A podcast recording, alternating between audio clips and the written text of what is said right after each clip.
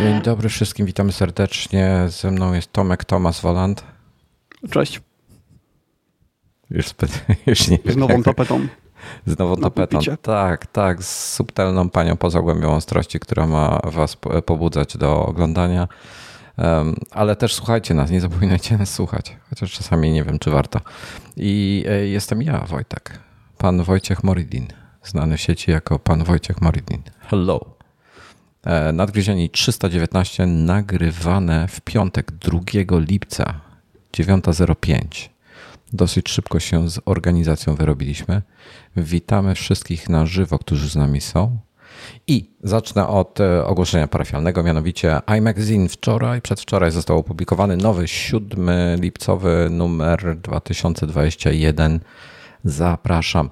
Aplikacja może, możecie mieć problem z naszą aplikacją na e, betach, bo Apple coś zmieniło. Nie będziemy e, poprawiali, bo nie ma to sensu, bo to może być cofnięte przez Apple ten, ten bug e, lub zmiana.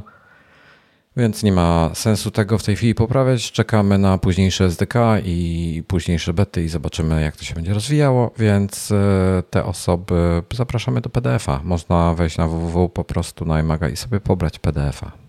Ale ten problem to tylko na 15, tak? Na 14 iOS coś tam 15 jest ok. beta 1 i 2, tak. Ale co ciekawe, nie wszyscy mają ten problem i nie za bardzo e, łapiemy, z czego to wynika, e, ale chyba wiem, znaczy na 99% wiadomo, jak, w czym jest problem, ale nie rozumiemy tego 1%, że tam paru osobom działa na becie. Być może te osoby nas okłamują, albo myślą, że mają betę, albo mają betę 14.7, nie wiem. No i tyle. To jest temat numer jeden. Dwa, nowe wideo. E, Zrobiłem e, takiego vlogowatego, vlogowatą recenzję BMW iX3, to jest elektryczny samochód. Zapraszam na YouTube'a. E, 6 dni, 1000 prawie kilometrów. E, Wyciągnąłem z niego jakieś niesamowite wartości. Średnie spalanie na poziomie 16,8 e, na 100, co jest w ogóle dla mnie niewiarygodne. Nie spodziewałem się tego. E, Nie potrafiłem w innych elektrycznych samochodach zejść poniżej 22, 23, a tutaj 16,8, e, co zaowocowało e, bardzo wysokimi przelotami na jednym ładowaniu. Cześć Jacek. I to by było chyba na tyle, jeśli chodzi o ogłoszenia parafialne. Chciałem zacząć od, od nowych systemów operacyjnych, ponieważ bety deweloperskie są już od WDC. Natomiast wczoraj, chyba przedwczoraj, znowu przedwczoraj, trzy dni temu, pojawiły się pierwsze publiczne bety. E, Możecie je instalować. Wystarczy wejść na stronę beta- beta.apple.com, e, tam się zalogować, pobrać profil. E, Logujecie się swoim Apple ID. Najlepiej logować się tym, który macie na iClouda. Mm, Pobieracie beta profil, restartujecie urządzenie, tam musicie zatwierdzić kilka razy, że się zgadzacie, sprzedajecie swoją duszę i tym podobne rzeczy. I jak już to zrobicie, to restartujecie i możecie zrobić, i wtedy w uaktualnieniach pojawi się update do bety najnowszej, do publicznej, czyli pierwszej publicznej bety, druga deweloperska.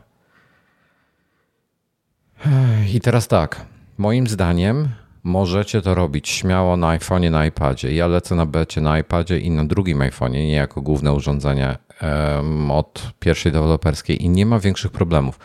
Są aplikacje, które się crashują, to znaczy uruchamiasz na przykład Twittera i on wywala od razu do, do Springboarda. E, Zdarzają się takie rzeczy, ale ogólnie jest stabilnie. Myślę, że większych problemów nie ma. Ponowne uruchomienie rozwiązuje większość tych problemów. Niektóre aplikacje mogą nie działać. Ja się na razie spotkałem tylko z naszą aplikacją i jeszcze jakąś, którą mam na iPadzie. Nie pamiętam w tej chwili, co to było. Hmm. I co jeszcze chciałem powiedzieć? A, nie upgrade'ujcie Apple Watcha. Nie polecam upgrade'owania Apple Watcha. Apple Watcha, jeżeli zrobicie upgrade do WatchOS 8, nie cofniecie go. Jeżeli z jakiegoś powodu będzie jakikolwiek problem, nie cofniecie do siódemki. Tak, a jak jeszcze gorzej zrobi się z niego cegła, no to bez, Mhm. y, bez serwisu nic się nie zdziała. Ja Dokładnie. tylko raz się odważyłem, kiedy był ten upgrade z odblokowywaniem w masce, y, a poza tym nigdy nie instaluję bet na Apple Watchu. Taką betę jeszcze, jak ty instalowałeś taką, wiesz, że skaczesz tam z 14.4, tfu, z 7.4 na 7.5 na przykład, to, to okej, dobra, dawaj. Natomiast skok, wiesz, z 14 na 15 to jest, to jest duża zmiana. Więc ja bym tego nie robił, nie polecam tego. Cała reszta have fun. E, Pamię- Aha, słuchajcie, zanim zrobicie update bety, zróbcie sobie backup iCloudowy albo najlepiej iTunesowy, czyli podłączacie się pod Maca i tam w iTunesie lub e, w Finderze robicie backup szyfrowany. Pamiętajcie, szyfrowany zróbcie na komputer. E, ostatecznie iCloudowy, zróbcie pełny backup. I teraz tak, załóżmy, że dzisiaj, w piątek, instalujecie sobie, robicie sobie backup. Instalujecie betę i w poniedziałek, czyli trzy dni później, stwierdzacie, że chcecie wrócić do 14, bo macie jakieś problemy, to stracicie trzy dni danych. Bo będziecie musieli otworzyć z backupu iOS 14. On nie odtworzy e, backupu iOS 15 na iOS 14. To co roku jest tak samo, tylko przypominam. A czy dalej jest ten problem, że backupy iTunes robi tylko na dysk systemowy? Więc jeśli ktoś ma MacBooka, nie wiem, 128 giga albo więcej, albo 256, ale iPhone'a też ma na przykład 256, no to właściwie nie ma miejsca, żeby zrobić ten backup?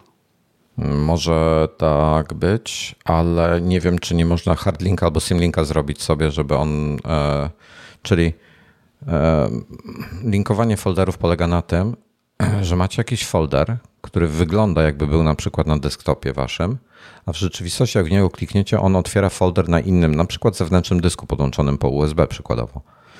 I można hardlinki zrobić, że system myśli, że to jest tamten folder jest rzeczywistość, ten na zewnętrznym dysku folder jest rzeczywistość na dysku systemu. I być może tak można podlinkować e, to miejsce, gdzie e, trzymane są backupy, ale nie wiem. Nie, nie interesowało mnie nigdy to, bo nie miałem nigdy takiego problemu. Ale backup ten systemowy dużo miejsca nie zajmuje, tam kilka gigabajtów, bo nie, nie trzyma aplikacji i tak dalej. Więc to są głównie te dane prywatne plus ustawienia. Mhm. I Aha, no tak, ważne... bo on teraz już zdjęć też nie trzyma, mhm. tylko zdjęć sobie dociąga osobno. No chyba, że mhm. ktoś iClouda nie używa, nie używa tak, tak. zdjęć w iCloudzie, no to wtedy, wtedy ten, ale, e, ale polecam taki backup zrobić. albo, albo dać sobie spokój, poczekać na, na oficjalną wersję nie ma tak, szczerze mówiąc, tak bardzo dużo nowych rzeczy. Na iPadzie bardziej warto, bo są, e, są, są te gesty nowe, te, znaczy te nie gesty, tylko te e, nowe funkcje, jeśli chodzi o multitasking, jakieś takie rzeczy, z których no to będę nie korzystał zbyt wiele, ale ostatnio, ja, ostatnio ja się przydał. Mhm. No, no, no, także tyle. Coś, coś jeszcze na ten temat dodajemy, czy, czy skaczemy? Nie, dalej. Dobra, follow-up mamy. Microsoft e, Flight Simulator będzie miał, cytuję, huge PC performance improvement, czyli ogromne zmiany w, w wydajności na PC. Ha! Miałem rację. Znaczy, y- moje podejrzenia się spełniły. Tak, tak, ale to nie jest w związku z DirectX 12, prawda? Nie, Tylko to jest prostu... w związku z przepisaniem silnika. Mhm. Y, jak się okazuje, w tej chwili na jakimś live streamie, czy live blogu, czy live streamie, y, chyba tym pierwszym i trzecim, powiedzieli w ogóle, bo tak, żeby było trochę jasności. Dla Microsoftu firma Asobo to robi. E, I tam jest ciekawa, e, ciekawy news, bo tutaj czytam, że jednym e, CEO Asobo jest Sebastian Wloch. Wloch, przepraszam, Wloch. Zakładam, że to jest po prostu Sebastian Włoch. Co mnie trochę zdziwiło. Asobo CEO Sebastian Włoch wpiszę po polsku. Zobaczmy, czy gdzieś mi rzuci. S Włoch. Może. Tutaj może... piszą, że to jest głównie optymalizacja CPU, a nie GPU. Co mnie zdziwiło, bo u mnie CPU nigdy nie było mocno wykorzystywane. E, u mnie też nie, właśnie też mnie to zdziwiło. I co, e, e, co ciekawe, dobra, w artykule Verge'a na ten temat jest, i to jest dzięki Twinfinite, czyli to jest strona internetowa, Asobo zademonstrowało ogromne improvements, czyli te poprawki wydajnościowe na starszych systemach, to mnie rozwojono, na starszych systemach z Intelem Core i7 9700K. Do niedawna mhm. nie dało się kupić nowszych procesorów, bo nie były dostępne, więc to jest... No dobra, to jest procesor, którego dostępność była jakaś w miarę sensowna w zeszłym roku, więc e, e, okej, okay, starszy system to jest roczny komputer. I starsza karta graficzna to jest RTX 2060. Spoko. Um, I skok był na takim komputerze. Ja, mam, ja dodam, że ja mam 9900K, więc ma. Nie, nie pamiętam ile 9700K ma w rdzeni. Hmm, aż sprawdzę. Y, tak samo jak nasz. Tak samo jak 9908. 9700K?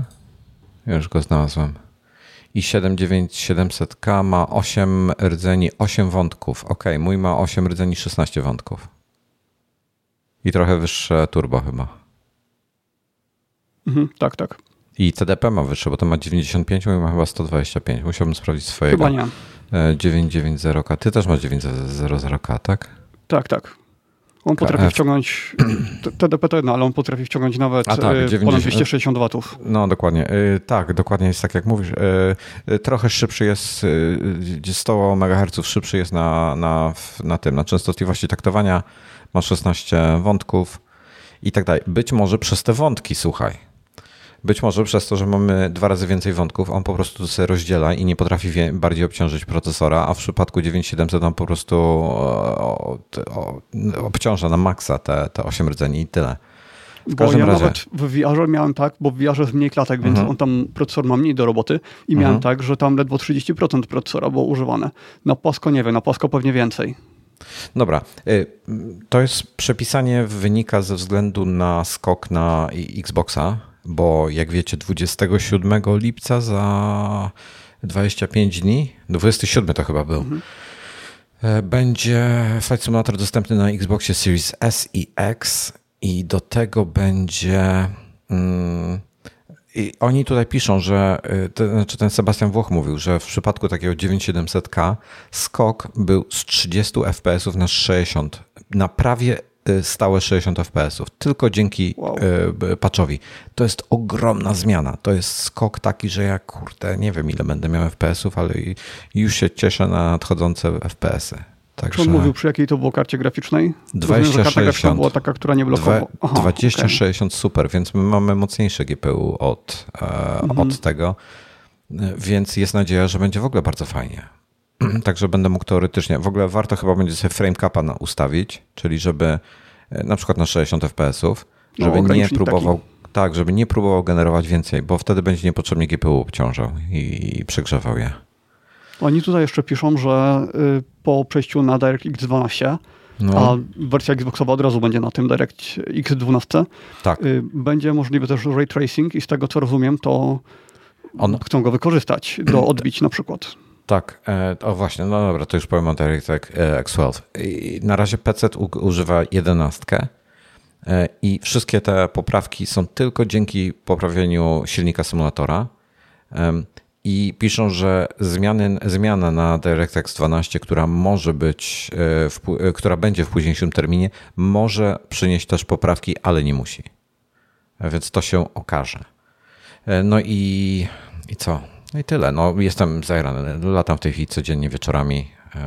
Super sprawa, jestem zachwycony. Z, w, w dużej mierze z powodu nowych akcesoriów. Właśnie widziałem na Twitterze, że masz Joka i, i jeszcze jakieś tam, mm, jak to się nazywa, te takie wajchy y, do E, Throttle mieszanki, do tego wszystkiego. quadrant. Tak, tak. O, Czyli latasz wiem, teraz tak jak prawdziwy pilot.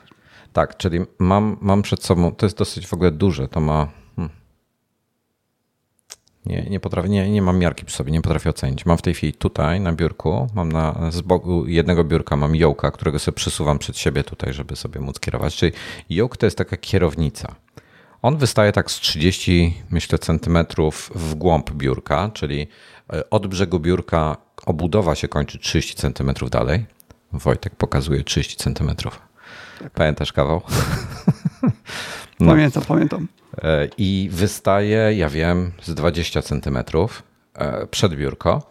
I yoke jest rewelacyjny. Ma na sobie, pomijam wszystkie przełączniki na, na tych, na, no, na kierownicy, jak się, na, na, na wolancie. Jest tam w cholerę przełączników i jeszcze jest 4 i 5, czyli są jeszcze przełączniki 4 do włączenia baterii, alternatora, e, e, avionics i 5 do świateł i starter takie pokrętło jest jak kluczyk, żeby, żeby mm, odpalać silniki Magnetos. Ale wszystko można konfigurować po swojemu, tak? Możesz sobie skonfigurować jak chcesz.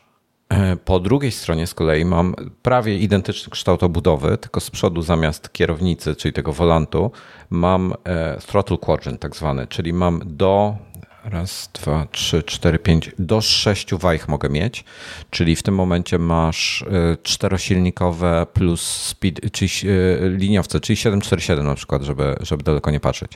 747 plus speed breaki plus flapsy masz wszystko, wszystkie sześć możesz wtedy wyjąć. Ja używam trzech tylko z tych sześciu i mam do tego, to znaczy, że siedem przełączników, panel, pełny panel autopilota jest e, oraz koło do trymowania oraz wajcha do flapsów oraz wajcha do nadwozia, e, podwozia, do wysuwania podwozia i chowania go.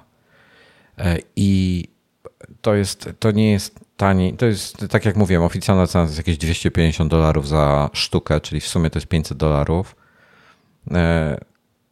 E, ciężko jest to dostać bardzo. Produkcja ma się wznowić dopiero na koniec. Ja mojego kupiłem e, w ogóle.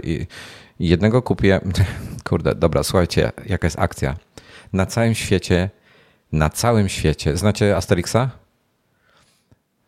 Na całym świecie nikt e, nie może kupić honeycomba, ale jedna osada e, powstrzymuje się przed e, tymi ograniczeniami. Jest to Polska. Wow. W Polsce leży na magazynie jakiejś firmy 30 sztuk. To jest dużo, bo firma wypuściła kilkaset, tak? Z, z, tych kilkuset, które sprzedała, 30 leży w Polsce i nikt o nich nie wie. Ja znalazłem je. E, przez Ceneo notabene leżą na, w dwóch firmach, przez dwie firmy są dostępne i oni korzystają chyba z tego samego magazynu, z tego co zrozumiałem, czyli z tej trzeciej firmy. E, I udało mi się go kupić za e, niewielki markup, czyli niewiele drożej, czyli jak po doliczeniu VAT-u jest to jakby normalna, standardowa cena. No a z kolei, ale jołka mieć wolant bez e, przepustnicy to jest bez sensu, bo nie masz jak, jak tego, jak, mhm. jak sensownie latać. I E, zacząłem szybko szukać przepustnicy, a Honeycomb poinformował, że przepustnice będą dostępne dopiero na koniec roku, jakoś na jesieni, może trochę później, nie są pewni, bo przez chip shortage, o którym już wspominaliśmy w ostatnich odcinkach wielokrotnie. E, I jak się okazało, znalazłem Niemca, który na eBayu sprzedawał, dwie sztuki miał. E, po czym później się okazało, że miał 8 sztuk. Kupił, kupił 8 sztuk po prostu na handel E, zapłaciłem niewiele więcej, bo chyba e, koszt przesyłki 15 euro, czyli 15 euro to była zwyżka i nadpłaciłem mu nadto, w sensie, bo licytacja była, więc nadpłaciłem jeszcze względem normalnej ceny chyba 10 euro, więc 25, 100 zł mnie to drożej kosztowało niż gdybym kupił bezpośrednio, więc nie jest źle, ale przegrałem licytację w pierwszym momencie i okazało się, że jakiś pan z Rosji E, wygrał tą licytację. O 2 euro mnie przebił, ale już miałem górną granicę, stwierdziłem, już, już wyżej nie idę, bo nie wiadomo, gdzie by się to skończyło. I e, pan, pan z Niemiec napisał do mnie następnego dnia, że wygrał pan z Rosji, ale nie, nie, ma niczego na świecie, cytuję teraz, nie ma niczego na świecie, co by mnie skłoniło do tego, żeby wysyłać to do Rosji, co mm. mnie strasznie rozbawiło. Musi być strasznie uprzedzony. E, i zapytał się, czy chce, czy chce wziąć jako drugi w kolejce. Więc e, odpowiedziałem oczywiście, że tak. Przysłał mi. E, miałem wszystko już latem od tygodnia na tym jakoś mniej więcej i jest rewelacyjne. Pamiętasz, jak mówiłem, że joysticki przepustnica to jest minimum? No, no. No już zmieniłem zdanie. Okej, okay. ale to też zależy od samolotu, no bo niektóre samoloty tak, nie mają tak. joka, a inne mają. Oczywiście, oczywiście, zgadza się. Ale powiem ci tak, że ten Honeycomb nie wiem, jak dobry jest ten e, Cytek, Logitech Cytek, ten, oni mają takiego jołka. Przy czym jołk u nich się obraca do tylu mniej więcej. To jest, czyli 45 stopni w lewo, 45 stopni w prawo. Tutaj to jest jedyny tani, w cudzysłowie tani, e, volant, gdzie obracasz pełne 180 stopni, czyli 90 stopni w lewo, 90 stopni w prawo, tak jak w prawdziwym samolocie. Mhm. Potem następne urządzenie, coś nacisnąłem na klawiaturze. Potem następne urządzenie E, które ma ta, taki pełny zakres, to kosztuje chyba 1000 euro za samego jołka i nie ma przełączników nawet, przycisków żadnych nawet. Więc to już potem wchodzimy w astronomiczne kwoty. E, Ale z tymi przełącznikami to nie wiem, mają jakiś osobny zestaw, że później montujesz osobno, czy po prostu musisz latać Ma, bez? Coś mają. Sobie nie mają, wyobrażam. Znaczy oni bez. mają w ogóle, ta firma to jest ta Yoko, one, oni mają, to jest australijska firma, oni w ogóle robią rzeczy dla E, e, e, ośrodków szkoleniowych dla pilotów. Okej, okay, czyli oni po prostu zakładają, mają. że ktoś będzie miał osobny osprzęt z przełącznikami. Oni, oni mają kompletny, możesz sobie postawić w domu, możesz sobie od nich zamówić, nie pamiętam ile kosztuje już chyba 10 czy 20 tysięcy euro, albo 40 tysięcy euro, coś takiego, jakaś absurdalna kwota. Możesz sobie cały kokpit od Cessny To wygląda mm. identycznie, jakbyś wyjął z samolotu i sobie postawił na biurku. To jest, to jest gigantyczne, więc trzeba mieć duże biurko. I to, to, to jest tego typu firma. Więc nie ma niczego sensownego, e, bo po, po, w tej chwili po, jest w zasadzie ten tani e, Logitech, Logitech, ja nigdy nie wiem, jak ich wymawiać. E, Logitech, ja mówię Logitech. Logitech brzmi bardziej miękko. Whatever, obojętnie, wiadomo o co chodzi. To, to to jest tanie. Są jeszcze jakieś inne tego typu, nie wiem czy nie gorsze jakościowo od nich, a potem w zasadzie nie było nic i potem był high-end, taki e, kurde kosmos pieniądze, w życiu tyle pieniędzy nie wydam na to. A ten Honeycomb jest, ich misja tej firmy jest robić wysokiej jakości produkty, które będą e, konkurencyjne cenowo. No i 250 dolarów za jedno urządzenie to nie jest mało, mm, ale, ale uważam, że jest całkowicie warte tych, tych pieniędzy. Jest świetne. Po prostu zmieniło całkowicie moje podejście do latania. Zupełnie. Patrząc na ceny joysticków, to to jest cena raczej normalna. To joysticki potrafią kosztować 2000 zł i więcej. E, do, tak, dobry taki, dobry joystick, tani, dobry tani joystick, czyli inaczej, najtańszy dobry joystick to się zaczyna od 2000 z hakiem, jak chyba ostatnim razem rozmawialiśmy.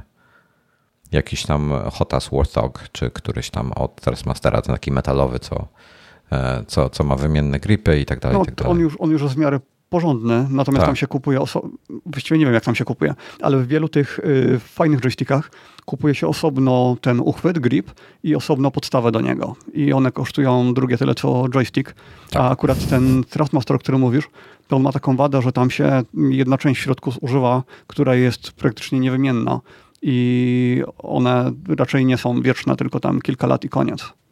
E, jak już miałem te dwa urządzenia, to bardzo szybko zauważyłem, a w zasadzie podczas pierwszego lotu, że y, wystartowanie nie mając pedałów i nie mając możliwości sterowania samolotem na ziemi jest trochę kłopotliwe. Mm. Więc na szczęście y, Piotrek, z którym często latam, e, w ogóle chcecie z nami latać, to zapraszamy na, na uderzcie do nas w jakiej formie tam wygodnie wam, to my na Discordzie sobie siedzimy i latamy. Wspólne trasy pokonujemy, to zapraszamy, jak chcecie do nas dołączyć. E, to pożyczył mi swoje pedały zapasowe. Są takie y, działające. Jakiś używany samolot. Nie, Jacek Drucia. Dobrze, to ja przydam moment, bo mamy sporo real-time follow-up. Dobrze. Taka ciekawostka, nie działa mi czat na Apple TV, muszę korzystać z czatu w apce na iPhone. Dziwne. Nie widziałem, żeby czat na Apple TV w ogóle działał. E, w aplikacji YouTube, ale to chyba e, YouTube. Artur się pyta, czy ktoś ma iPada 12.9 M1. Paweł Jońca na Twitterze uderzył niego. Dlaczego na Mac może Windows na PC nie można? Dlaczego na Mac może Windows, na PC nie można Mac OS? E, można, ja mam. Można, Hackin, to, się nazywa Hackintosh Axor. Dobra. E, Jacek Druciarek i teraz to jest real-time follow-up na temat. Ej chłopaki, a dlaczego, a nie będzie taniej kurs, licencja i jakiś używany samolot? Jacku, A to bardzo, gadaliśmy w ostatnim no, odcinku. W ostatnim 319 sobie obejrzy. Nie będzie taniej. Zapewniam cię, nie będzie taniej. Wręcz e, będzie wielo, wielokrotnie drożej. 318. Jak się nazywacie? Dzisiaj jest 319.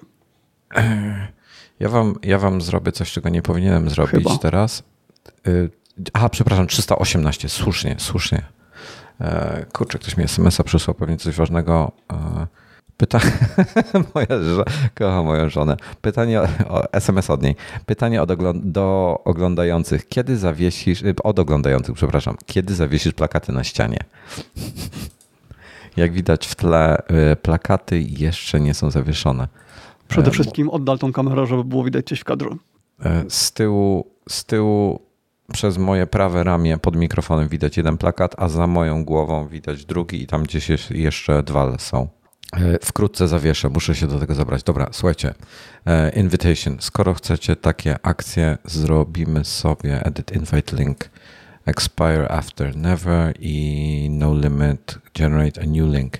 My do latania mamy Discorda, który się nazywa Fight Club. Tam, są, e, tam jest też ekipa, która gra w CS-a i tutaj jest link. Fight czy e, Flight? Fight. Fight Club. Okay. E, od filmu Fight Club. Mhm. Dobra. I o, Jackowi ruszył czat na Apple TV. Okej, okay, czyli Wojtek zlinkuje w opisie link do Discorda latającego. Tak. E, znaczy tam nie tylko latający, po prostu my tam siedzimy, w sensie ja tam siedzę, Piotrek tam siedzi, cała ekipa od CS-a tam siedzi, e, sporo z, Twittera tam znajdziecie. No, także zapraszamy w razie czego chcecie do nas dołączyć. I to, aha, i mi te pedały pożyczył i teraz się zastanawiam, Thrustmaster ma bardzo fajne pedały, kosztują chyba 400 euro czy coś takiego, to jakieś 1600 zł u nas. E, są metalowe, takie pianowe, stojące solidne. E, mam straszne opory przed wydaniem takich pieniędzy na pedały, ale czekam chyba na jesień. Na razie Piotrek e, mi pożyczył swoje pedały. One nie są jakieś super duper jakościowo, są plastikowe, ale jakby działają prawidłowo, więc to mi wystarcza. I mm, Honeycomb ma na koniec roku wydać swoje, więc może wezmę po prostu od Honeycomba, żeby już mieć zestaw od nich. No a czy te wszystkie akcesoria od nich to jest PC only, czy działa na Xboxie? No i to jest, dobrze mi o tym przypomniałeś. Obecnie są PC only, natomiast będą, e, będą mieli huba. 30 dolarów ma kosztować chyba, czy tam jakieś 100 zł piracy drzwi. E, będą mieli huba, dzięki które, przez którego e, podłącza się to wszystko do Xboxa. A to ekstra rozwiązania. No. I będą pracowali też nad, e, bo mają w tej chwili te, te urządzenia 3, czyli Yoke to jest Alpha, Honeycomb Alpha, Volant, czyli Volant. Przepustnica to jest Bravo, a pedały będą Charlie, ale jeszcze robią Foxtrot Echo, czy Echo Foxtrot, czy jakoś tak to się ma nazywać. To będzie jakiś tam joystick z przepustnicą połączony w jakiś sposób i on będzie domyślnie już na Xboxie działał. E, i ma być rozsądniejszy. Ma w sensie zestaw ma cały kosztować 250, więc będzie teoretycznie dwa razy tańszy. Nie wiem, jak z pedałami w tym momencie tam będzie. No, ale, ale wygląda na to, że będzie fajny, fajny zestaw. Nie mogę się już doczekać tego update'u. Jestem po prostu, a w ogóle odkąd mam te, te honeycomby, ten flight control, cały ich zestaw, to jestem tak zajerany na ten się zupełnie inaczej lata do tego z head trackingiem. Mistrzostwo świata, uwielbiam. No ale Wojtek, skoro oni wydają taki update, który potrafi zwiększyć dwa razy wydajność, to znaczy, że twoje wymówki co do VR-a mogą się niedługo skończyć. Nie denerwuj mnie. Wiem o tym. Myślałem, że, o tym, że, że, że nie załapiesz tematu. Wiem. No ja na pewno będę latał więcej po tym update'cie. Dużo, powiem, dużo więcej. Powiem ci tak, trochę mnie zaniepokoiło to latanie w VR-ze. To, co gościowi tak głowa strasznie drżała, ten obraz cały drżał. Bardzo mi się to nie podobało. Nie, po prostu jak y, wiesz, że będziesz robił stream, no to wiesz, że nie możesz ruszać głową tak, jak ruszasz w realnym świecie. Ale to nie, to nie było realne. To było, to było takie, takie tak mu ekran cały czas się rusza, tak o parę pikseli lewo, prawo, góra, dół, cały czas mu tak drżało. U mnie jak ja ruszam sobie tym VR-em, to, to, on sobie, wiesz, tak driftuje ten ekran. Ja, przepraszam, jak head-tracka używa, to wiesz, ja nie człowiek, jak się okazuje, jak używasz head-tracka, to nagle się okazuje, że nie potrafisz długo utrzymać sztywno głowy. Jeżeli mm. próbowałbyś, to cię będą bardzo mięśnie bolały. Cały czas obraz się lekko rusza, lekko, le, lewo, lekko, ale to są płynne ruchy, a tutaj Ale... były takie, tak jakbyś jechał po kurczę wyboistej drodze i ci okay, to muszę to, zobaczyć, to muszę to zobaczyć jeszcze raz. Ale w przypadku tego trackingu głowy, no. Y, tam na pewno jakieś martwe pole by można ustawić, że dopiero jak ruszysz głową na przykład do 15 stopni, to mhm. dopiero wtedy, nie? Mhm.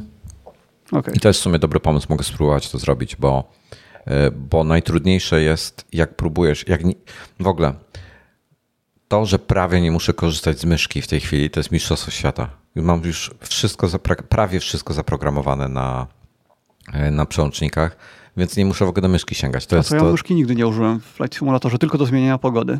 No ale wiesz, jak musisz tam, jak robisz sobie pełną A, procedurę startową, tak, tak. No, no, no, no to musisz poprzełączać te przełączniki i tak dalej. To I to by... wtedy wygląda tak, że ty klikasz bezpośrednio na kokpicie w samolocie w te przełączniki, tak? Tak, tak, tak, tak. tak. Teoretycznie można by na klawiaturze jakieś skróty klawiszowe do nich poprzypisywać, ale to trzeba by mieć drugą klawiaturę tylko do tego. I, i za bardzo autentycznie... Dużo był, Bardzo dużo był... osób Elgato do tego używa, Stream Decka. To jest za mało przełączników, to ci od razu powiem. Ja zastanawiałem nie, nie. się...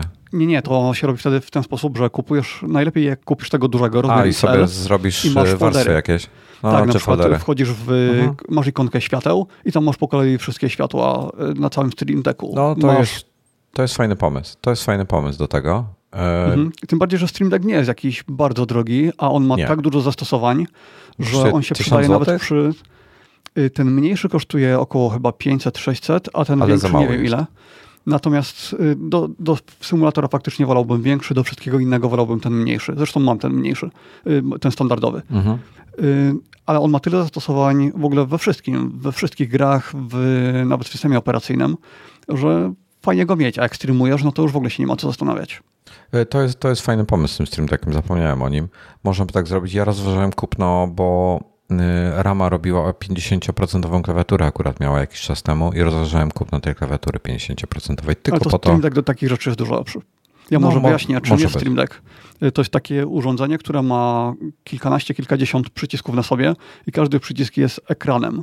I na tym ekranie można sobie zdefiniować dowolne ikonki. Inne, jeśli przycisk jest wciśnięty, inne, jeśli jest niewciśnięty i y, dowolna konfiguracja. Każdy przycisk można tak skonfigurować jak się chce. Można tworzyć makra, można tworzyć różne warstwy. Także mimo, że na przykład przycisków jest, nie wiem ile, 16 powiedzmy na standardowym, no to w rzeczywistości tych funkcji tam może być y, dziesiątki czy nawet setki. Czyli zakładam, że jak wchodzisz do folderu, no to masz jeszcze przycisk wyjścia, więc w każdym folderze pewnie po tak. 15 akcji może być, więc 15 razy 16 trochę Bo tego właśnie teraz robi. sprawdzam i jest 15 przycisków na tym standardowym. 15, czyli 14, tak, 15. Czyli, mhm. czyli 15 y, razy 14, no to trochę tego będzie, e, więc... No i w folderze może mieć kolejny folder. A, jeszcze kolejny Kiedyś folder. tego tak, kiedyś okay. tego nie było, ale teraz jest. Mm, to o tym nie wiedziałem. To to jest fajne. Ja mm, to może rozważę rzeczywiście też tym tylko nie wiem nawet, gdzie bym go postawił. Dobra, e, kończymy? Czy chcesz jeszcze coś no, o możemy pogadać? Lecieć, yy, chyba możemy lecieć dalej. Dobra, to twój temat, bo ja nie wiem, co tam się dzieje, o co chodzi. Znaczy wiem, ale nie, nie, dawno go nie czytałem. A, to będzie moment. To jest ten Cruxel. Dlaczego e, High Res Losses Music będzie... Nie, to twój temat. Tak, ja to rzucałem, ale ja bym tak, chciał... Tak, ja, te, ale... muzyka mnie nie interesuje za bardzo. Nie? Dobra. E, to w dużym skrócie, e, bo jakieś tam były z Apple Music z Hi-Resem, były z Losslessem na Macu, były problemy. Jest taki trochę e, dziwne to jest, trochę mnie to zdziwiło. Zapomniałem, pamiętałem kiedyś o tym z jakiegoś tam powodu, ale w dużym skrócie, gość się nazywa Kirk McElhern, jest znany ogólnie w świecie Apple'a chyba. E, nawet e, książki napisał na jego temat. E, ja go w każdym razie tam już od, od lat o nim słyszałem i, i, i, czasami coś czytam, co on pisze. Ale i opisał właśnie problem na Macu. Ja nie próbowałem na Macu tego high-res spatial audio i tych wszystkich bzdur i tak dalej, o którym rozmawialiśmy kilka odcinków temu, ale podpowiedział, że jak domyślnie e, standard w Macu jest ustawiony w takiej aplikacji, którą macie, której prawdopodobnie wiele osób w ogóle nie otworzyło w życiu. Nazywa się Audio MIDI Setup. Jest to aplikacja, która jest systemowa, jest w aplikacjach y, narzędzia, czyli Applications Utilities e, i tam się, tam się definiuje na outpucie, na głośnikach, jakie, jaki ma być format audio. I standardowo jest to 16 bitów 44,1 kHz, więc nieważne co będziecie odtwarzali, jeżeli tam sobie nie zmienicie tego, to, to, to nie ma znaczenia, że i ciekawy jestem, ile osób słuchało lossless i mówiło, że słyszy różnicę, a tak naprawdę tam nie było przestawione i nie słuchali wcale lossless w tej częstotliwości, w tej rozdzielczości, w której myśleli. Także tam, tam sobie trzeba przestawić. Um... Ja to musiałem zmienić, kiedy kupiłem wzmacniacz słuchawkowy DAC y, tego, jak on się tam nazywał, Audio Quest Dragonfly Fly Red. No, no, no, no. I tam w instrukcji było właśnie powiedziane, że trzeba wejść do opcji i tam to zmienić. I dodatkowo wtedy y, ten akurat ten wzmacniacz, on ma diody, które zmieniają kolor w zależności od tego, jakiej jakości jest dźwięk podawany. Więc wtedy wiadomo, jakie audio leci, bo to jest też problem, że Y, Apple samo z siebie w ustawieniach, jeśli jest Dolby y, Atmos, mhm. to nie podaje jakiej jakości to jest dźwięk. Dobra, to, to ja tak, tak przelecę. Na przykład wyjście tam monitor mój ma 2, 16 bitów 48. Mój, mój audio interfejs ma, jest ustawiony na 24 bity, 6 kanałów, 48 kHz. Słuchawki te takie gamingowe, ten headset mój 16 e, bitów 44,1, webcam 16 bitów 48 e, i tak dalej i TP i TD. Więc jeżeli tutaj się tam nie ustawi paru rzeczy, to być może wcale nie będziecie tego słuchali. Jest, będzie link do artykułu po, w opisie odcinka. Next. Dobra, to jest temat, wiesz co, to jest temat, o który tylko zapowiem, bo ja nie chcę na ten, no, bo w międzyczasie pojawiło się dużo innych rzeczy i przemyśleń moich też i e, generalnie pojawił się na Verge artykuł jakiś czas temu, e, że, e, znaczy to pojawił się na podstawie informacji prasowych od Apple'a, tak zacznijmy od tego. Natomiast pojawiły się argumenty Apple, dlaczego sideloading jest zły i jak bardzo zagrozi nam, naszemu bezpieczeństwu, bla, bla, bla i tak dalej, i tak dalej, i tak dalej. I to z kolei, ten temat z kolei prowadzi do polityki Apple'owej, do tego, jak oni ostatnio traktują swoich deweloperów, do tego, jak ostatnio walczą z Epiciem w sądzie. To jest cała studnia bez dna i nie chciałbym tego tematu w tej chwili poruszać. Natomiast, kurde, powiem ci, że ostatnio mnie tak denerwują w swoich przekazach e, prasowych. Ja rozumiem, że oni to robią pod, e, pod e, sądy, pod rządy i tak dalej, że to nie są wiadomości dla swoich konsumentów. Natomiast po prostu to, że, że robią tak, a nie inaczej, to mnie szlak trafia. A Windows w międzyczasie sobie uruchomił App Store, 100% tego, 100% dla um, deweloperów. No, jeżeli korzystają sobie z własnej platformy y, finansowania jakichś tam Stripe'ów innych i tak dalej, więc... Y, Oni nie mieli wyboru bo ten mieli, Microsoft Store był tragiczny. Tam mało osób w ogóle chciało z tego korzystać. Tak. No dobra, to słuchaj, to przejdźmy do, do płynnie w takim razie z tego tematu, bo to jest studnia bez dna. Nie chcę w tej chwili dzisiaj go poruszać, bo będziemy mm. tu siedzieli do, do wieczora. E, Microsoft zapowiedział Windows 11. Tym razem już oficjalnie, bo myśmy o tym mówili dwa odcinki temu, ale wtedy mówiliśmy o przeciekach, a teraz już była konferencja i oficjalnie pokazali go. Ja bym chciał. E, dobrze, bo tutaj tak fajnie Bartek napisał: Epic jest chiński, więc skąd zdziwienie, że Apple ich chce zniszczyć? E, Epic nie jest chiński, tylko to jest amerykańska e, firma. Jej baza jest w North Carolina. Szefem jest Tim Sweeney. I. Tenet ma duże udziały, pewnie o to chodziło. Ale to prawda, nie jest chiński, tylko Chiny mają duże udziały. Mają duże udziały, ale nie mają w większości Mm, Mają 40, w sumie Tencent ma 40% udziału w Epic. O właśnie, e, Tencent, a nie Tenet, tak, tak. No, Tencent, ten, ten to był film. Mm. No, także tutaj Real Time Follow-up skorygowałem trochę, e, bo, bo jest to amerykańska firma.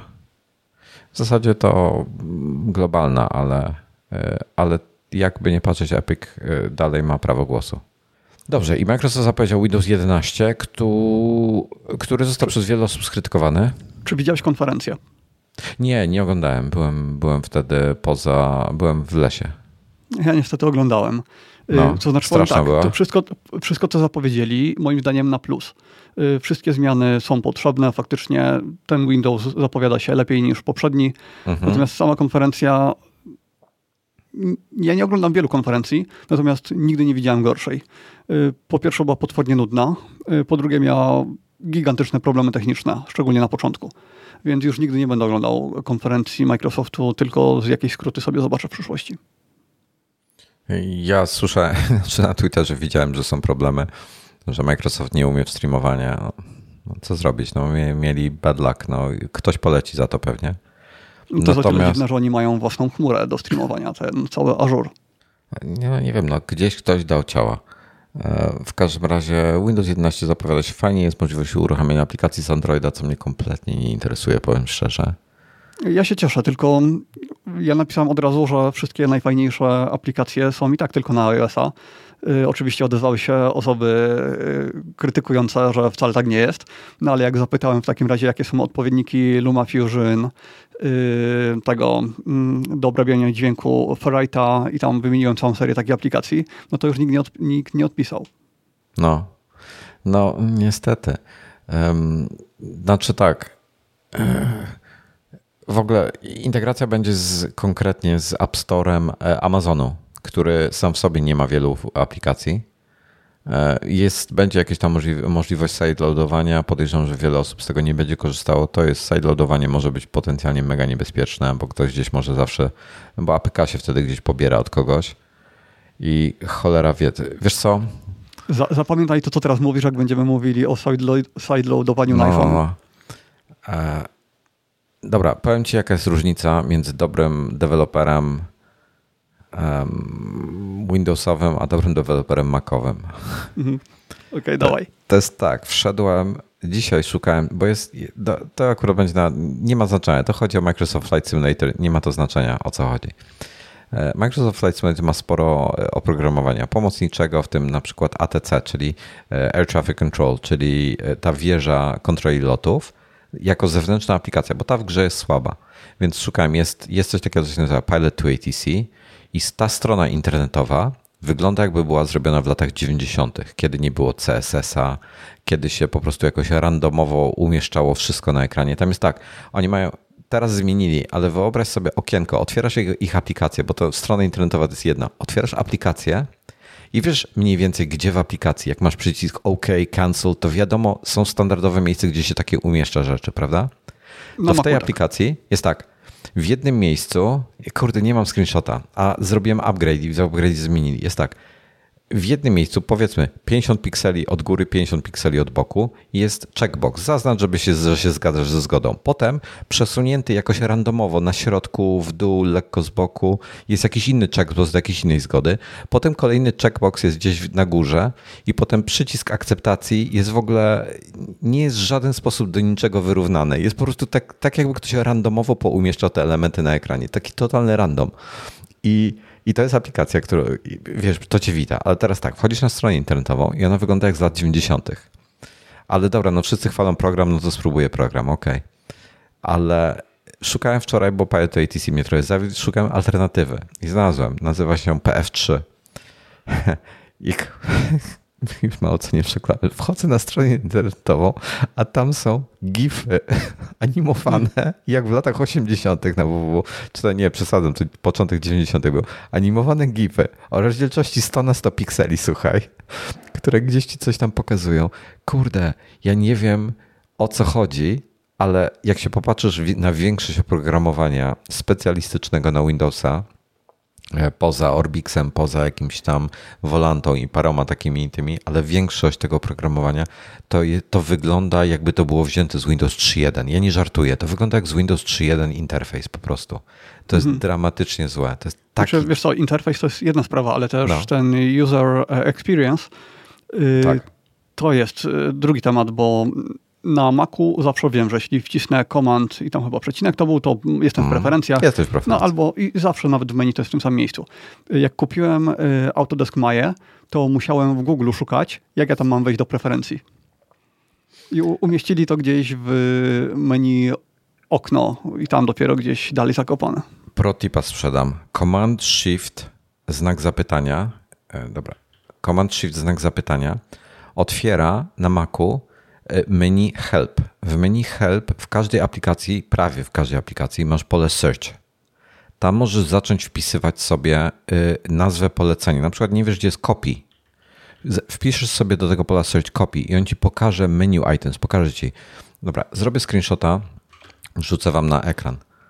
E, tutaj save to desktop i wam wrzucę do OBS-a. Będziecie to przez moment widzieli. Osoby, osoby słuchające nas tego nie będą widziały. E, wrzuciłem w tej chwili na środek ekranu. Zwróćcie uwagę, to jest, e, to jest to, to na górze tutaj nie widać, bo nie, nie objąłem tego. Na górze jest pasek, pasek menu, tam wcisnąłem help i jest pozycja search i wpisałem copy. Zwróćcie uwagę, pokazał menu items, ten dział. To pokazuje wszystkie y, pozycje i to działa. Jeżeli macie po polsku aplikację, to będzie działało po polsku. To znajduje wszystkie pozycje z, w menu z wyszukiwaną frazą, czyli copy na przykład to możesz w każdej aplikacji. Y, co najciekawsze, iOS tego, y, to iOS, a nie iPadOS, gdzie w iPadOSie masz już zaczęli wprowadzać te e, takie, takie paski menu. Y, nie, nie ma takiej funkcji, co, z czego mi mhm. strasznie brakuje. Bardzo często w bardziej zaawansowanych aplikacjach, gdzie ja nie pamiętam wszystkiego, gdzie co jest na, na pamięć, jakieś rzadko używane rzeczy, to właśnie w ten sposób sobie wyszukuję. I to no jest fajne, taki nie, nie wiedziałem dnia mój. No, więc jak co, you want to remove, jest, dobra. Więc e, bardzo polecam e, korzystanie z tej funkcji, bo jest to mega. I to jest dostępne pod skrótem klawiszowym Control Shift znak zapytania albo slash, zależy jak tam, e, obok prawego shifta klawisz. I to jest, to jest mega wygodne po prostu, bo, bo nawet nie musisz odrywać rąk od klawiatury. Wciskaj Ctrl Shift i zaczynasz pisać. I on od razu ci znajduje pozycję. I możesz zjechać sobie na dół, na przykład strzałkami albo myszką wybrać, i on ci z tej pozycji, z tego serca możesz uruchomić tą funkcję. Nie musisz potem jej hmm. szukać. E, a i jak się najedzie na funkcję, to on podświetla, pokazuje, gdzie ona jest w strukturze menu, co jest bardzo fajne też. jakby otwiera dane menu tamto i tego. Pobawcie się tym, to jest bardzo fajna rzecz. Windows 11. Tak, Windows 11. Windows 11 wizualnie mi się bardzo podoba. Nie zrobi. Aha, czekaj, bo ja rozmawiam o tych deweloperach.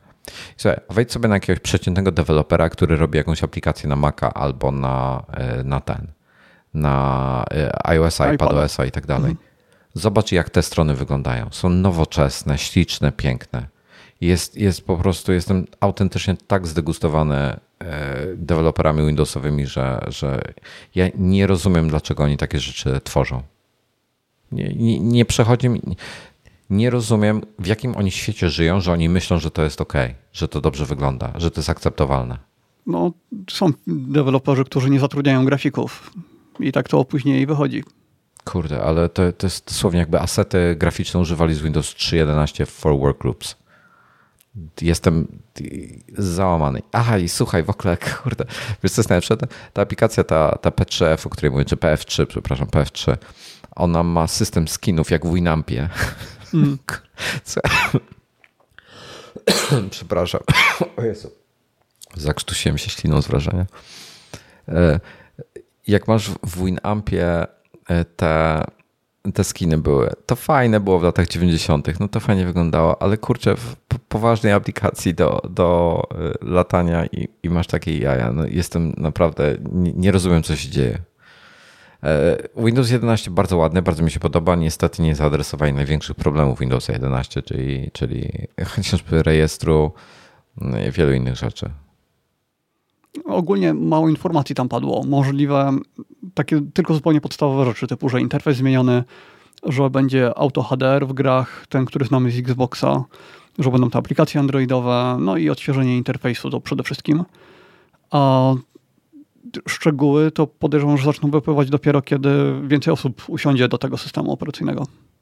No, jestem. Bo tam, co tam jeszcze takiego ważnego A, zmienili? Y, w ogóle ważne jest to, że tam w wymaganiach jest ten TPM 2.0 i szczerze nie sprawdzałem tego, ale być może to może oznaczać, że y, nie wiem, czy TPM musi być wyłączony, jeśli masz Hackintosha. Może tak być? Y, nie pamiętam, natomiast to jest okay. grubszy temat, bo to, to może od początku. To jest ten Trusted Platform, czyli takie, taki moduł zabezpieczający, i jest rozróżnienie, czy komputer jest składany, czy o. to jest OM. Już znalazłem, jest... przepraszam, znalazłem mhm. informację. Hackintoshowcy nie mogą mieć włączonego TPM 2.0 mhm. E, i to oznacza, że nie będzie można, um, a, bo musi być tak, bo Secure Boot musi być też wyłączony po prostu podczas uruchamiania będziesz musiał wejść do BIOSu y, i zmienić tą opcję w zależności jaki system będziesz chciał mieć. Przepraszam, już znaleźć na no widzisz, no, trzeba wchodzić na takie informacje, szukać na Hackintoshowych forach, a nie na Windowsowych, bo tu się więcej rzeczy dowiesz.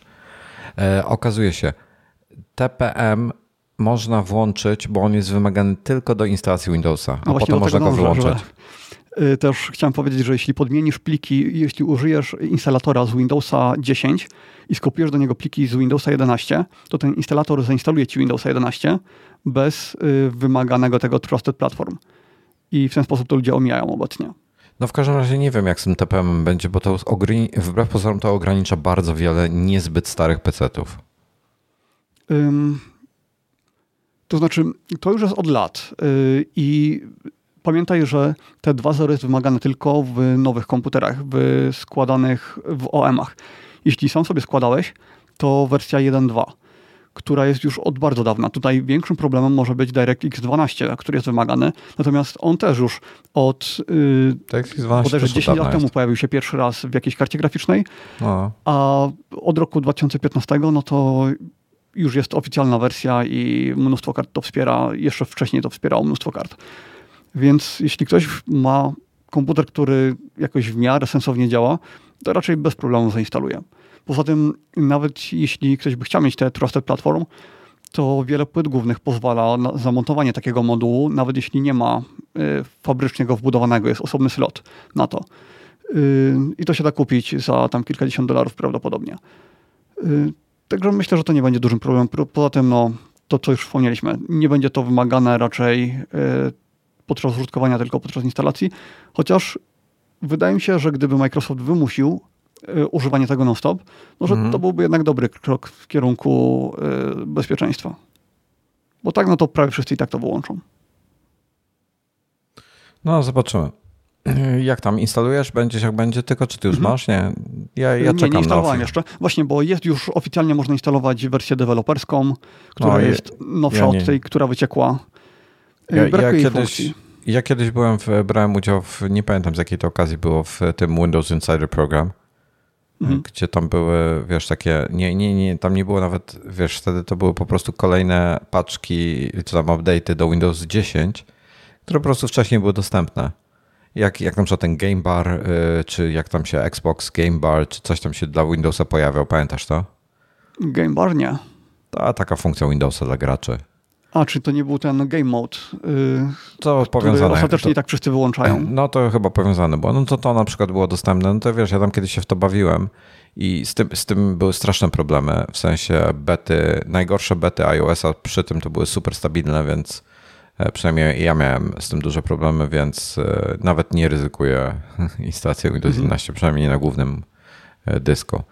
Tej obecnej wersji nie instaluję, ale jedną z przyszłych być może zainstaluję, bo ten system będzie wcześniej dostępny na OEM-ach, a dopiero później na później go będziemy mogli zainstalować jako upgrade do obecnych PC-ów. Bo mhm. jako upgrade dopiero w przyszłym roku. No nie wiem. Aha, nie powiedzieliśmy, że będzie darmowy. Dla osób, co mają mhm. Windows 10 będzie darmowy upgrade. No. Dobra, coś jeszcze? No myślę, co tam jeszcze wprowadzili ciekawego, ale chyba, chyba to tyle. Przy okazji, przy okazji nie pamiętam, czy to było na... Wiem co, ale to za chwilę dopowiem. No mów, mów. Nie, nie, to mów, bo trochę zmieniam temat. W końcu będzie się dało używać sensownie wielu monitorów i je odpinać, albo jeśli się ma laptop, to podpinać do monitora. Bo Te grupy, co Windows porobili zacznie, i tak dalej. No, no, no. Tak, w końcu Windows zacznie zapamiętywać układ y, pulpitów i w końcu y, będzie miał funkcję, którą do tej pory się miało w PowerToys, czyli layouty okien. Y, czyli to, to nie będzie na tyle zaawansowane jak w PowerToys, no ale już krok w dobrym kierunku.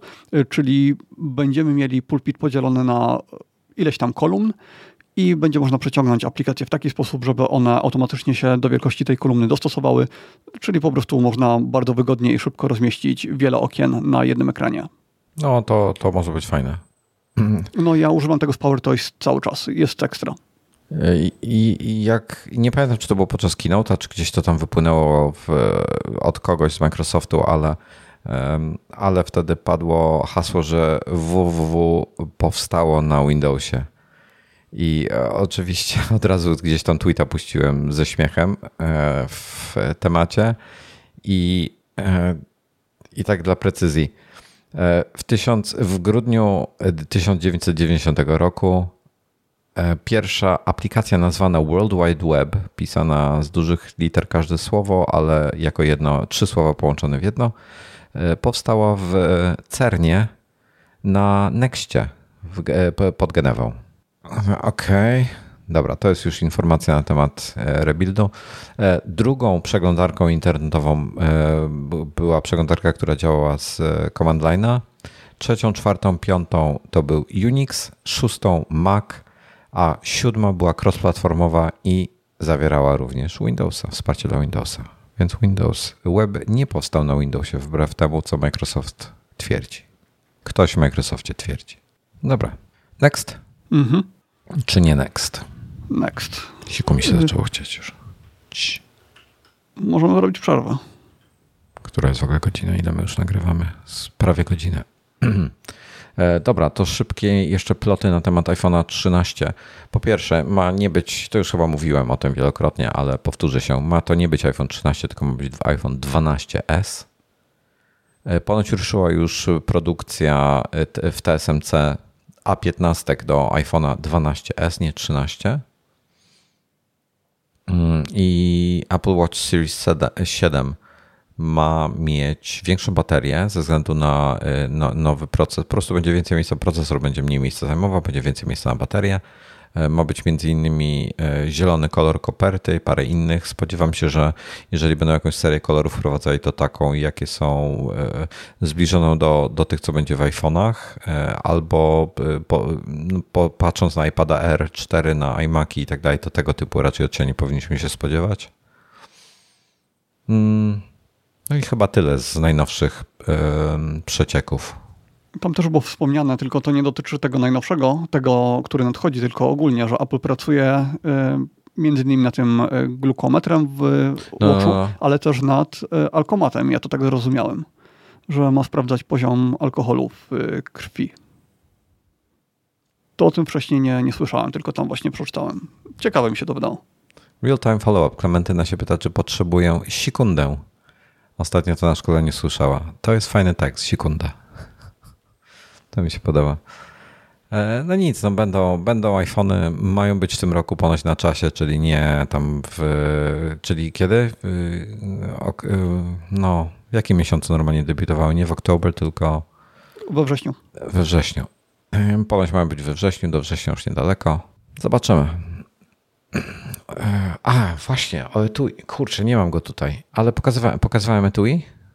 Moje nowe? Tak, Wideo. tak. Przeźroczyste z takim białym, brzydkim yy, czymś zakrywającym MagSafe. No, no to teraz to miałem, miałem ten wyjazd, to właśnie miałem cały wyjazd, bo telefon siedział w tym etui. Udało mi się go zdjąć bez połamania go, bo ludzie mówili, że po pierwszym zdjęciu się łamie. Udało mi się nie połamać go.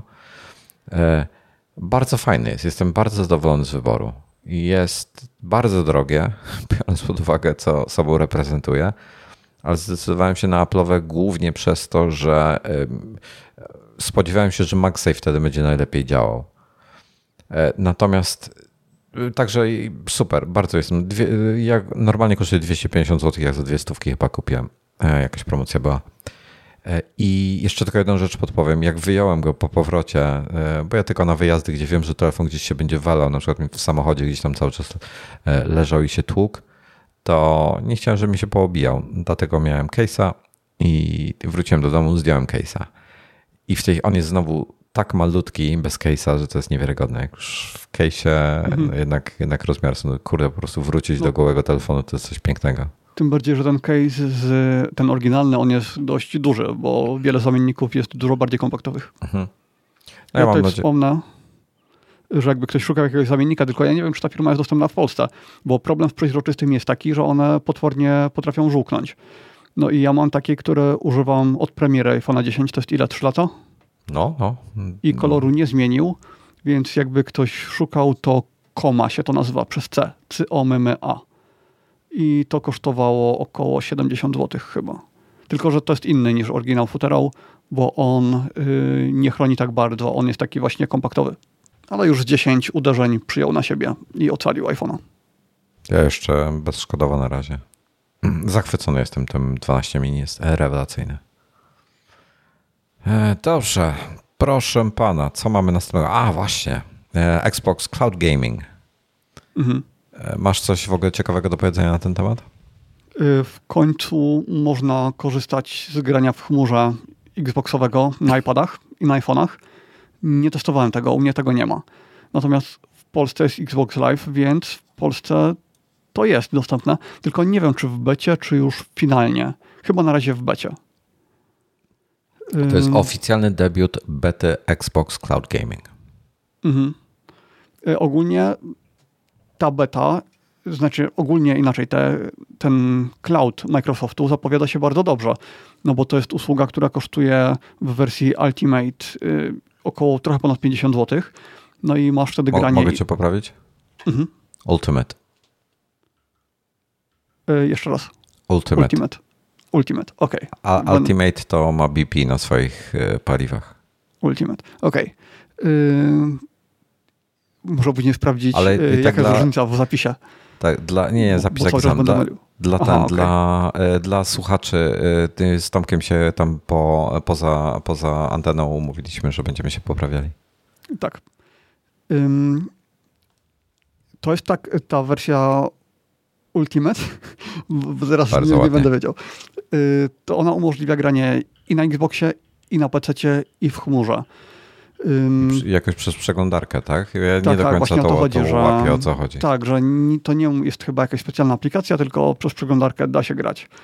No i ekstra, bo tam już w zestawie masz te wszystkie gry Game Passowe, a ich jest mnóstwo.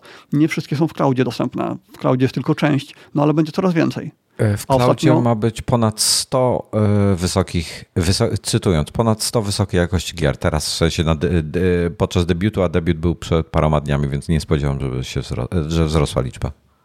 Mm, tak, tak, ale z czasem mm, chodzi mi o to, że tak. Mm, za tam kilka miesięcy będzie coraz więcej. No a ostatnio Microsoft wymienił e, ten sprzęt, na którym to jest odpalane i teraz to działa tak jak na Xboxach Series, Series X, a nie na tych starszych, więc e, no tak jak na jakimś średnim PC, czyli fajnie. Kurczę, próbuję, próbuję znaleźć listę tych gier, wiesz? Dobra, pierwszą rzecz, co podpowiem, e, w tej chwili, czyli na e, dzień nagrywania tego, e, subskrypcja Game Pass Ultimate kosztuje 54,99 miesięcznie, ale pierwszy miesiąc jest za 4 zł. W tej chwili chyba ciągle jest 3 miesiące, to znaczy pierwszy miesiąc plus 2 gratis. I poza tym tanigamepass.pl, chyba tak się nazywa ta strona. Mógłbyś wyklikać, czy taka strona istnieje? Mm, tani. Gamepass.pl. Tani Gamepass.pl. Wiesz co, wpisałem to do Google po prostu, czy tam mhm. zobaczymy. Jest, jest taka strona tanigamepass.pl. E, 3 miesiące od 4 zł, 6 miesięcy od 401 zł. I tak, i 38 miesięcy można... za 559.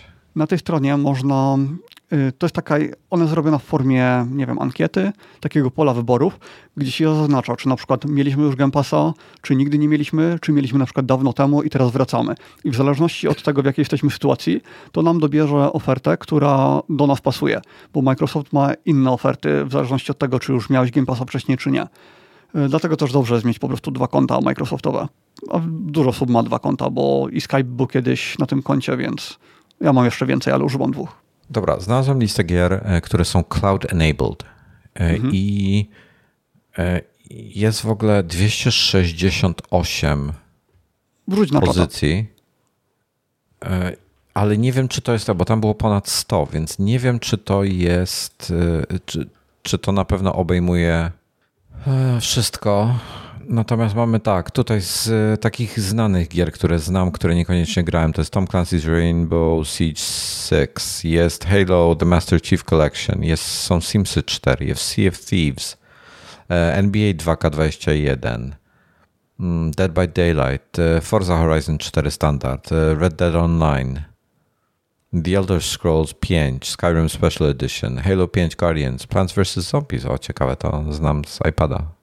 No Man's Sky, e, Oblivion. Jest tutaj symulator gołtów. Jezu, e, tych, mhm. no, Kozy. kozłów. What the hell? Co to jest w ogóle? To był hit.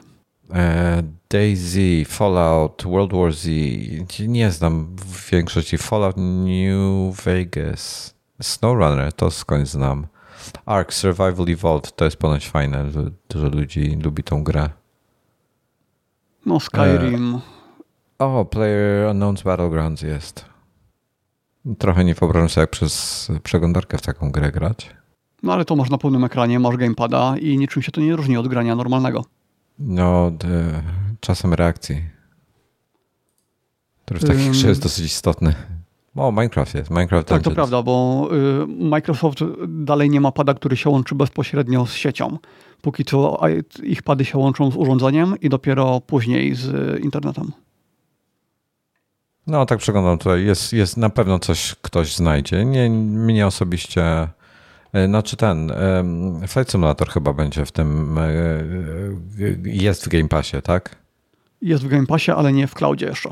Bo rozmawialiśmy o tym, e, odcinek 318 na ten temat. Tomek wszystko opowiedział, więc nie będę się powtarzał. Kozy są po prostu super. No, według tego spisu tutaj jest mnóstwo megahitów. Tu nie bylibyśmy w stanie tego wymienić. No. Eee, a ja, ja podwójnie zapadałem temat Windowsa. Jestem też genialny, widzę. W naszych notatkach. Okej, okay, poprawiłem się. No dobrze. E, to skończyliśmy follow-up po godzinie. Mm, my chyba musimy po prostu, nie wiem, jakoś połączyć ten follow-up z normalnymi tematami, bo. Yy... Nie, myślę, że z czasem będziemy mieli mniej albo mniej będziemy gadali. E, dobra, ja mam, ja mam propozycję taką teraz. Zrobimy sobie 10 minut, 10, e, jak to było? 10 sekund? sekund? 10 sekund sobie zrobimy przerwę, e, bo ja już nie wytrzymuję. I kurde, bo to przez tą herbatę, herbata jest tak moczopenna. A, a ja mam zieloną herbatę w lodówce, zapomniałem przynieść. To pójdę zaraz po nią. No i za 10 minut się spotykamy z powrotem i lecimy z tematami. E, I bardzo mnie ciekawi ten e, twój temat, tak tylko mała zapowiedź po przerwie, żeby, żebyście zostali, nie uciekali nigdzie. To jest koniec najfajniejszych monitorów do fotografii grafiki. I w ogóle no, o monitorach niestety. chciałbym trochę z tobą pogadać przy okazji, bo mam też parę przemyśleń e, i parę innych różnych tego typu tematów. Okay, Poruszymy no dzisiaj. Przerwa. Jestem. Ja też. Jeszcze sobie tylko herbatki naleję, bo nie wziąłem kubka, ale przyniosłem sobie herbatkę tutaj. O, czekaj, czekaj. Moja dzisiaj taka sobie. Dzisiaj zwykła zielona herbata, nie macza, bez mleka. Czekaj, czekaj.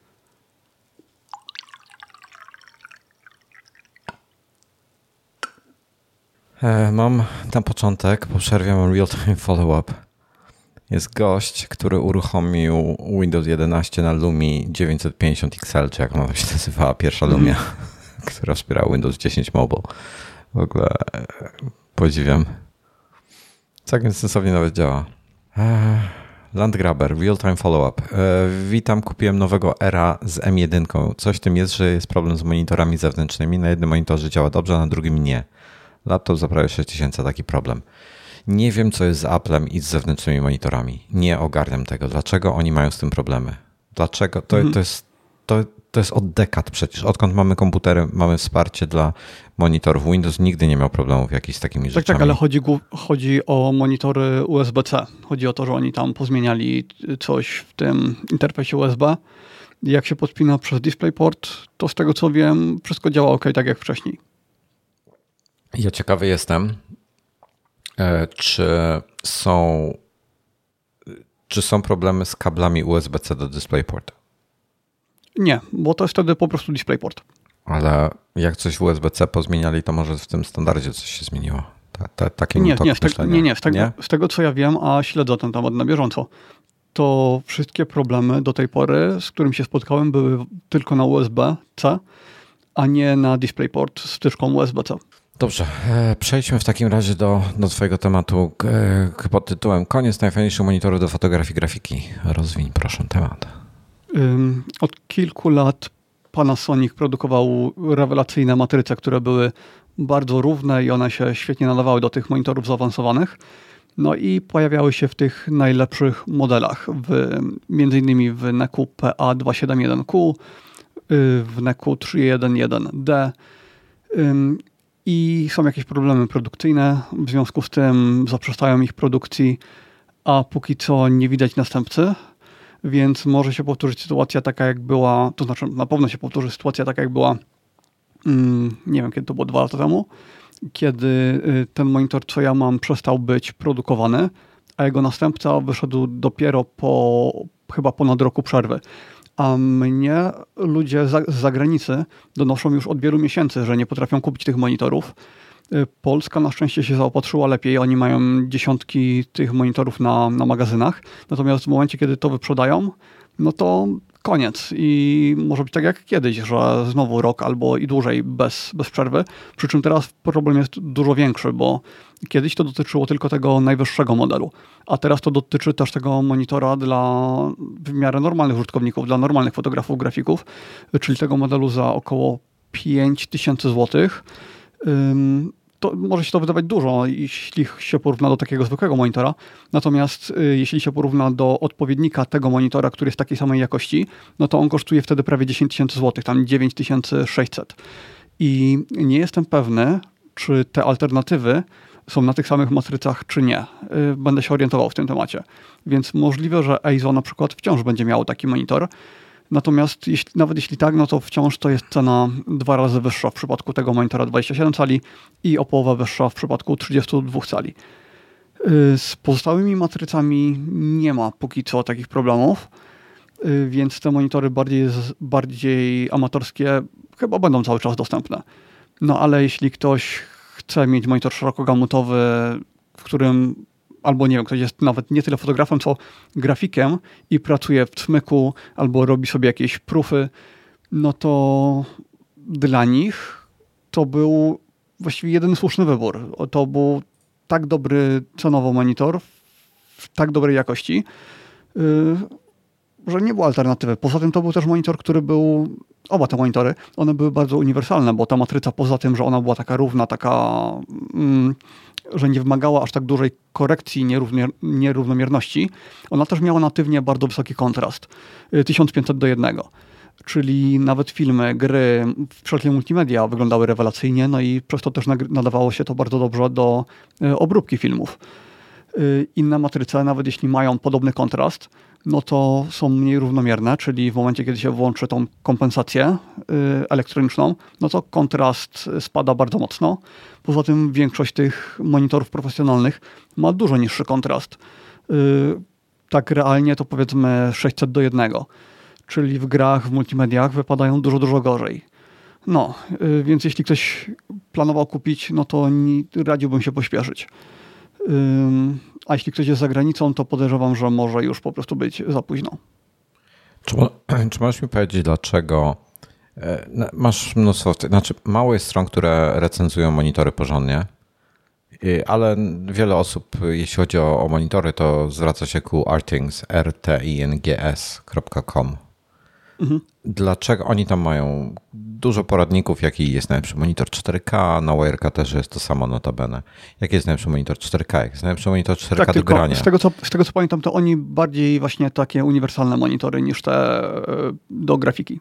Właśnie, ale słuchaj, dlaczego mhm. żadna z tych stron nie testuje neków, EIZO i coś trzeciego, co zbyt mi To po, po, pierwsze to jest zbyt niszowe, po drugie to, że monitor jest dobry do fotografii, przez wiele lat znaczyło, że on do zastosowań takich ogólnych jest gorszy niż taki monitor y, bardziej przeciętny, bo właśnie przez to, że one miały kontrast y, gorszy, że y, ekran był przez długi czas matowy, kiedy inne już miały błyszczące i miały lepszy kontrast przez to.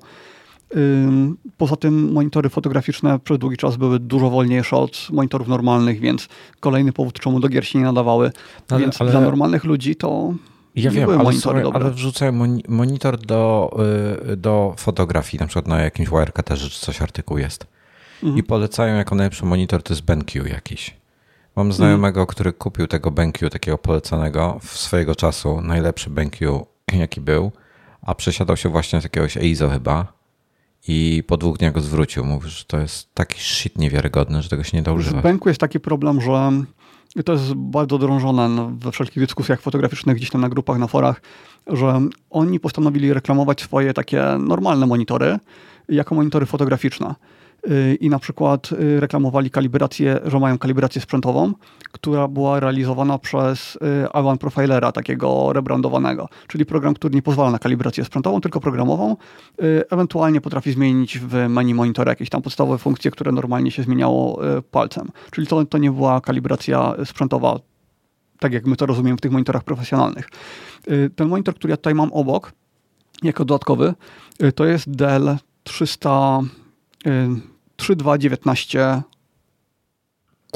U3, U3219Q, czyli monitor, który jest takim monitorem biurowym, ale wciąż to nie jest tani monitor, bo on kosztuje chyba 4000 zł.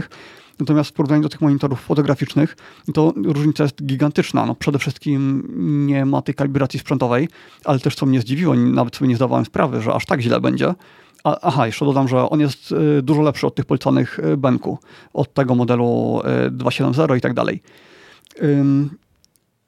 Przy czym Dell go nie reklamuje jako fotograficzny, tylko jak, jako biurowy, więc pod tym względem całkiem, całkiem ok. To, co mnie zaskoczyło, to, że jeśli ja sobie zmienię w menu jakieś opcje, kanały RGB i tak dalej, to ta kompensacja nierównomierności, to o czym mówiłem wcześniej, że matryca jest nierównomierna, ale elektronicznie się to kompensuje, żeby była równiejsza, po drodze traci się kontrast. No to ten delto ma. Natomiast y, działa to tylko, kiedy nie zmienisz ustawień w menu monitora. Jeśli chcesz go skalibrować jakoś sensownie, czyli jak najmniej programowo, jak najbardziej y, w menu monitora, no to już wtedy ta funkcja się wyłącza. Y, jak próbowałem go skalibrować na oprofilować na ustawieniu takim własnym, gdzie miałem właśnie do dyspozycji wszystkie funkcje, nie udało mi się go skalibrować tak, żeby był w pełni liniowy. Czyli szarości mają jakieś tam dziwne zafarby. Mm, no, różnice są gigantyczne w stosunku do takiego normalnego monitora, a przypominam, cały czas tutaj mówimy o monitorze, który wśród tych normalnych monitorów i tak jest jednym z najlepszych wyborów gdybym był monitor 27-calowy, no to bym nie kupował Dela, tylko kupiłbym jakiś inny, nawet jako pomocniczy kupiłbym NECa. No natomiast w 32 calach y, NEC ma tylko ten topowy model, więc no nie było wyboru. Musiałem kupować to, co było. A jak się łączy z nim? Przez USB-C czy przez y, DisplayPort? Przez DisplayPort. Okej.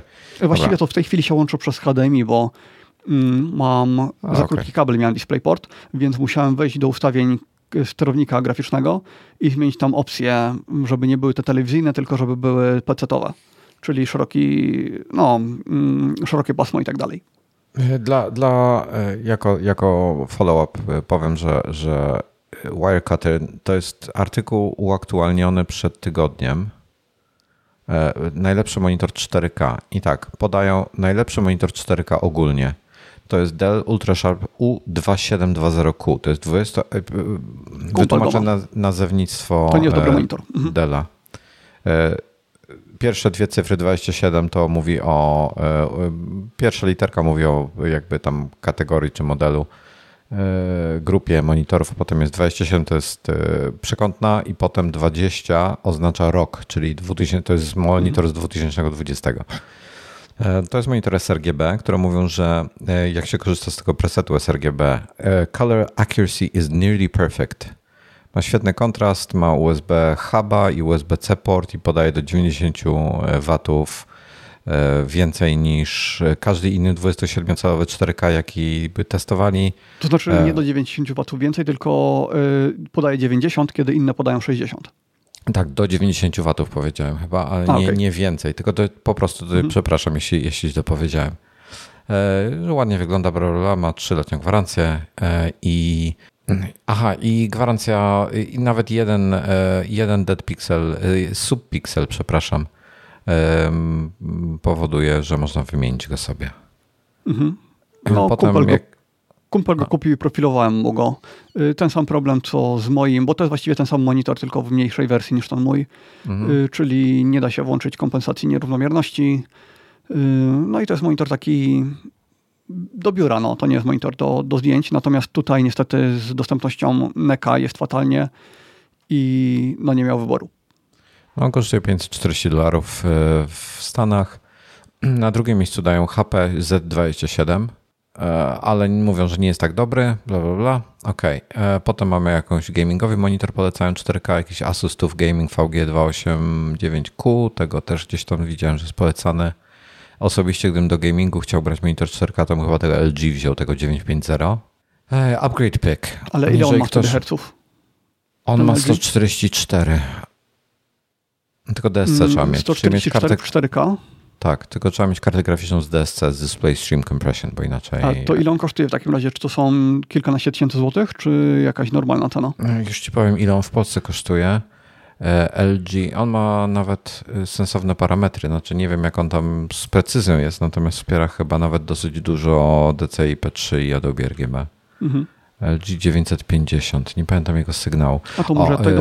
To jest mhm. LG Ultra Gear 27 GN 950 i kosztuje. O, 27, okej. Okay. Czekaj, to, to jest ten? Może to nie był GN, bo on kosztuje podejrzanie mało, bo kosztuje 4000 zł. Mhm, ja nie wiem, czemu ja myślałem o 32 calach. Okej, yy, okej. Okay, okay. Nie, nie, to jest 27. Znaczy wiesz, 27 ma tą zaletę, że masz po prostu ciaśniej wszystko. Jak masz, go, jak masz możliwość ustawienia mm. go sobie bliżej twarzy, to to nie ma większej różnicy. E, już patrzę na jego specyfikację no tutaj. No tylko wtedy mogą się pojawiać problemy z kątami znowu. W rogach tak, będzie, tak, tak, będą tak. przebarwienia, jak masz blisko. E, e, to jest... Techno, to jest nano IPS, 144 Hz. Szukam informacji o kolorach. To tutaj dopowiem, że yy, obecnie raczej dużo monitorów jest w stanie pokazać kolory poprawnie. Większym problemem jest to, jak one są nierównomierne, te matryce. Że co z tego, jeśli te kolory są na środku ok, tam gdzie się przyłoży kalibrator, skoro jasność w różnych częściach ekranu jest na przykład różna o ponad 20% względem środka, czyli względem różnych rogów może to być nawet 40%. Y, I to jest największym problemem. Znalazłem DCI-P 398%, sRGB 135%, 400 kandeli na metr. Y, tu znowu się wtrącę. Nigdy bym nie radził patrzeć na procenty, dlatego że na przykład jeśli coś ma powiedzmy 100% Adobe RGB, to nie znaczy, że to będzie w stanie wyświetlić y, przestrzeń Adobe RGB, tylko często producenci obchodzą to tak, że bo to jest taka trójwymiarowa bryła, ten, mm, ten gamut monitora. W Macu można to fajnie sobie wyświetlić, jest takie narzędzie Color Sync i tam można załadować sobie różne profile i, i oglądać to w trzech wymiarach. I jeśli jakaś bryła, jeśli monitor jest w stanie wyświetlić bryłę, która jest tej samej wielkości co Adobe RGB, to oni już wtedy napiszą, że to jest 100% Adobe RGB. A to, że ta bryła jest przesunięta, że wyświetla na przykład więcej zielonego, ale nie jest w stanie wyświetlić y, żółtego i tak dalej, to już dla nich jest nieistotne, bo wielkość tego gamutu się zgadza, więc już w broszurce jest napisane, że to jest 100% Adobe RGB. Jest to monitor 10-bitowy. Czyli zakładam, że to jest 8, 8 plus, plus FRC. Tak. Mhm. E, czas reakcji jedna, jedna milisekunda. Wiesz co, powiem Ci szczerze, biorąc pod uwagę, że Apple nic nie robi i tak dalej, ja autentycznie rozważałem przez długi czas, czy sobie nie kupić tego LG. Mhm. A Ty masz coś teraz do testów y, gamingowego, tak? Mam w tej chwili do, tak, um, nie, nie robiłem chyba o nim wideo jeszcze. Jest to Alienware 27 cali 144 Hz, e, przepraszam, 240 Hz. 1440p to jest, czyli 2560 na 1440 IPS. Okej, okay, czyli nie 4K. Okay. Nie, nie jest to 4K. E, bardzo, bardzo fajny monitor, notabene.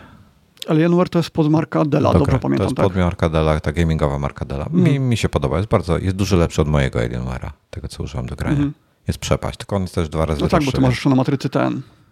Tak, ten już na IPS-ie jest przepaść, jeśli chodzi, ale nie jest dobrze, w sensie no jak się przesiadam na swojego ISO, to, to, to jest mm. mi lepiej. Natomiast y, wiesz, nie mam kalibratora, bardzo jestem ciekawy, jakby to wyglądało po kalibracji. Mhm. Jest na przykład um, EIZO, na przykład EIZO jest 2, EIZO 2780. Ale to jest model EV, ten taki podstawowy. Tak, tak, tak. No to on do grania się nie nada. Nie, ale wiesz co, bo nie, bo ja o czym innym chciałem powiedzieć, bo ja mam, e, ja mam EIZO FlexScan, już patrzę. E, ja mam monitor, którego ja nigdy nie pamiętam tych, tych nazw 38 na 2, 38, 40 na 2, 160. Już patrzę, mój ma 3,2. Kurde, jak on, jaki miał no, symbol? 31,5 cala masz na pewno w takiej tak, samej rozdzielczości 32, ISO FA 32, 37? Nie wiem, bo tam tak, w zależności od ja roku były, było kilka wersji. Dobra, ja mam 32, 37. E, I teraz tak, oni mają, EIZO w tej chwili, on już jest nieprodukowany od jakiegoś czasu, ale wypuści nowsze modele. 3285 e, i drugi 2785, czyli jeden ma 32 cali, drugi ma 27 cali. Natomiast mój jest, a to nie jest ten.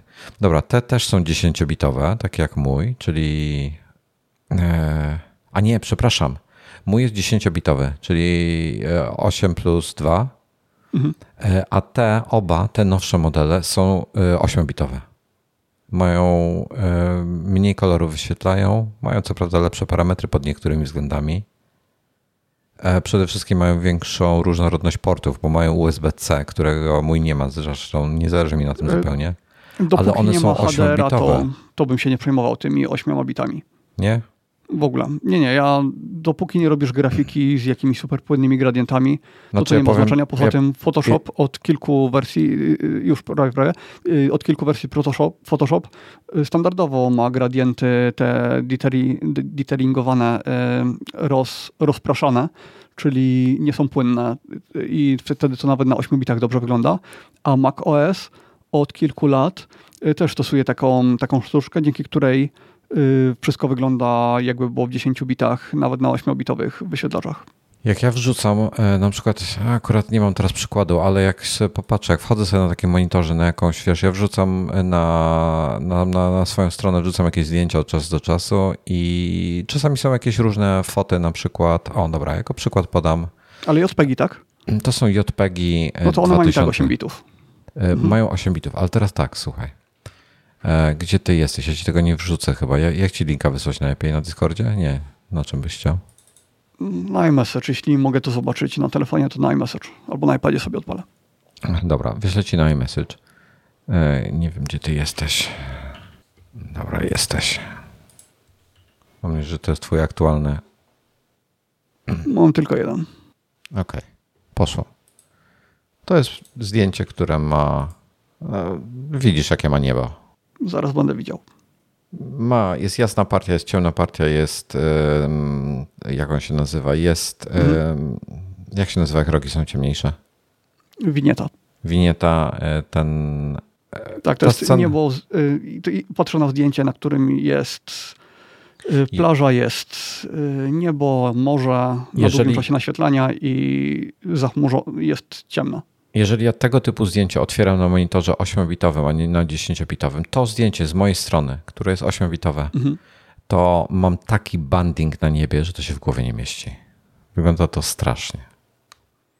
Mm, Nie, to wiesz co, to jest problem po prostu tego monitora, y, który jest 8-bitowy i jest nieliniowy. I to dlatego tak będzie. Okej, ogólnie na niebie to na, na, najgorzej jest na Mhm. niebie. Bo na, na JPEGach nigdy nie zobaczysz różnicy, bo JPEG jest zawsze 8-bitowy, więc różnica wtedy zawsze wygląda, wynika nie z tego, że to jest taka tyle bitów, Dobra, tylko słuchaj. z tego, jak monitor jest liniowy. Okej, no bo na Alienware'ach na przykład tego typu zdjęcia wyglądają tragicznie. E, Nie patrzyłem Mhm. akurat na tym nowym, więc nie powiem, ale na moim i na jakimś innym, które kiedyś patrzyłem, to było straszne. Tak, tak, na gamingowych takie rzeczy będą mocno wychodziły. No właśnie dlatego jestem ciekawy, jak na takim LG wychodzi. Coś takiego. Yy, Tym, tym takim full wypas. Tylko kurde, jestem Mhm. zdziwiony, że 4000 Nie kosztuje ten LG. No anyway, e, nie ma jakiś, szczerze, jest problem z monitorami. Już o tym mówimy od dawna. Jest ciężko w tej chwili o fajny monitor, e, który miałby, przede wszystkim nie ma nic 5K, tak? Poza tym jednym LG, który nie jest dobrym monitorem. Już go nie produkują tego 5K. Od dawna. Już go całkiem wycofali? Tak, tak, bo właśnie jak kumpel kupował tego Dela, o którym mówiliśmy, No. to ja mu radziłem, że do designu lepiej miałby tego 5K, bo tam chodzi o to, że to skalowanie interfejsu na Macu y, byłoby problematyczne w 4K. Y, Natomiast nie dało się i były tylko wersje odświeżane z zagranicy, sprowadzane na przykład z Amazonu. I wtedy dokopałem się do informacji, że po prostu zakończono ich produkcję, że są EOL, czyli End of the Line. No nie ma, nie, nie ma go. Właśnie szukam e, w, gdziekolwiek w Polsce w jakimś sklepie, nie ma go nigdzie. To już chyba z rok będzie, jak go wycofali. Nie, oni update robili niedawno. E, No i Magu o tym pisałem. E, Wypuścili nowszą wersję. Czekaj, LG Ultra Fine. Zaraz znajdę ci szczegóły, bo nie pamiętam w tej chwili tego z głowy. To był 1 sierpnia 2019. LG Ultra Fine 5K drugiej generacji trafił To do sprzedaży. półtora roku temu. No to kurde, na półtora roku przecież się nie wypuszcza monitora normalnie. No, a widzisz, tak zrobili. Bo oni wypuścili też nowy 23,7 cala 4K. e, Też w 2019 roku, to było w maju. I chwilę później wypuścili piątej generacji, e, który miał tam ponoć dużo poprawek. Wiesz co, Hmm. może był problem z dostępnością matryc, albo nie wiem, LG samo produkuje matrycę. Może im się nie opłacało, może klientów było za mało. Nie, on ma, on ma 5K, 27 cali, e, pełna retina, w tym momencie jest e, 2X, więc e, no, chciałbym taki monitor. No. Tylko jest strasznie, on, strasznie dużo problemów z nim jest ogólnie i e, tak naprawdę z Hackintoshem też jest sporo z nim problemów i z Windowsem, bo na przykład on nie ma fizycznych ustawień na monitorze, więc tam jest tak średnio najeżdża z kontrolowaniem tego spod Windowsa potem. Są jakieś tam aplikacje, jakieś rozwiązania i tak dalej, ale średnio to działa. Wiesz, co jest ciekawą koncepcją? To yy, Gapiński na Twitterze zrobił. Nie wiem, czy o tym słyszałeś, o tym projekcie. Yy, zamówił sobie obudowę od iMac'a z Chin prosto. Zamówił sobie monitor od iMac'a, normalnie ten 5K i kupił w Chinach e, taką płytkę. Znaczy, taki monitor od iMac'a w sensie sam ekran Ma... bez wnętrzności, czy... Tak, tak. Ma sam, samą obudowę e, i matrycę od iMac'a mhm. i kupił kontroler do sterowania tą matrycą i tam mhm. jest normalnie port właśnie DisplayPort, jest chyba HDMI i coś tam jeszcze. A to I... ja to widziałem u innej osoby, u kogoś z zagranicy, bo te z Deli bodajże pasowały. No i tak właśnie to, to jest fajny, fajny pomysł. Mhm. I w starych iMacach tych nie 5K y, też tak było, że w tych 27-calowych tam był ekran z Della, więc można było użyć y, płyty głównej z Della i przerobić w ten sposób iMaca na monitor. Real-time follow-up. Bartek, czy M1 wytrzyma z płynnym działaniem i sensowną pracą na baterii dłużej niż 6 lat? Mój pierwszy Mac 12 cali nie dawał rady po 6 latach. Dobra, jeżeli ty trzymałeś 12-calowego MacBooka, bo zakładam, że mówisz o 12-calowym MacBooku z 15 roku i po 6 latach ci nie dawał rady, to, to jest twój, twój to, to, to M1 myślę, że da radę, bo to był, to był najwolniejszy, najgorszy komputer, jaki można było kupić, jeśli chodzi o wydajność. On był wolny już jak się go kupował, jak był nowy, on już był powolny. E, więc e, ogólnie bym nie liczył, znaczy normalnie dla mnie, dla mnie będzie wolny po 6 latach, ale być może dla ciebie będzie szybki jeszcze. No i z tą pracą na baterii to obecne maki powinny wytrzymywać dużo więcej lat niż poprzednie, no bo tyle samo cykli ładowania, a jednak rozładowanie trwa ponad dwa razy dłużej, więc teoretycznie mamy ponad dwa razy dłuższy czas, używania. Tak ludzie raportują teraz, że mają około 10 godzin e, pracy. Mhm. Takiej normalnej. 18 godzin. Bartek doprecyzował, że ma na myśli pracę nad dokumentami. Wiesz co, Bartek, jest zbyt dużo zmiennych. Nie możemy ci powiedzieć, że za 6 lat będzie ok. Na pewno y, MacBook, y, mówię, MacBook 12 cali, po już w, w momencie, w którym go kupiłeś, był powolny, więc y, tak. nie może, ciężko jest odnieść się do tego. No, a bateria czy 6 lat wytrzyma? No słuchajcie, mój MacBook Pro, co prawda miał niedawno nową baterię włożoną, ale dalej działa, a jest z 16 roku. Także będzie krócej działał, na pewno będzie krócej działał niż nowy, no ale podejrzewam, że będzie działał. E, rozważ, e, Bartek, fakt, że po trzech latach możesz go sprzedać, bo weźmiesz za niego dobre pieniądze i sobie kupić nowego.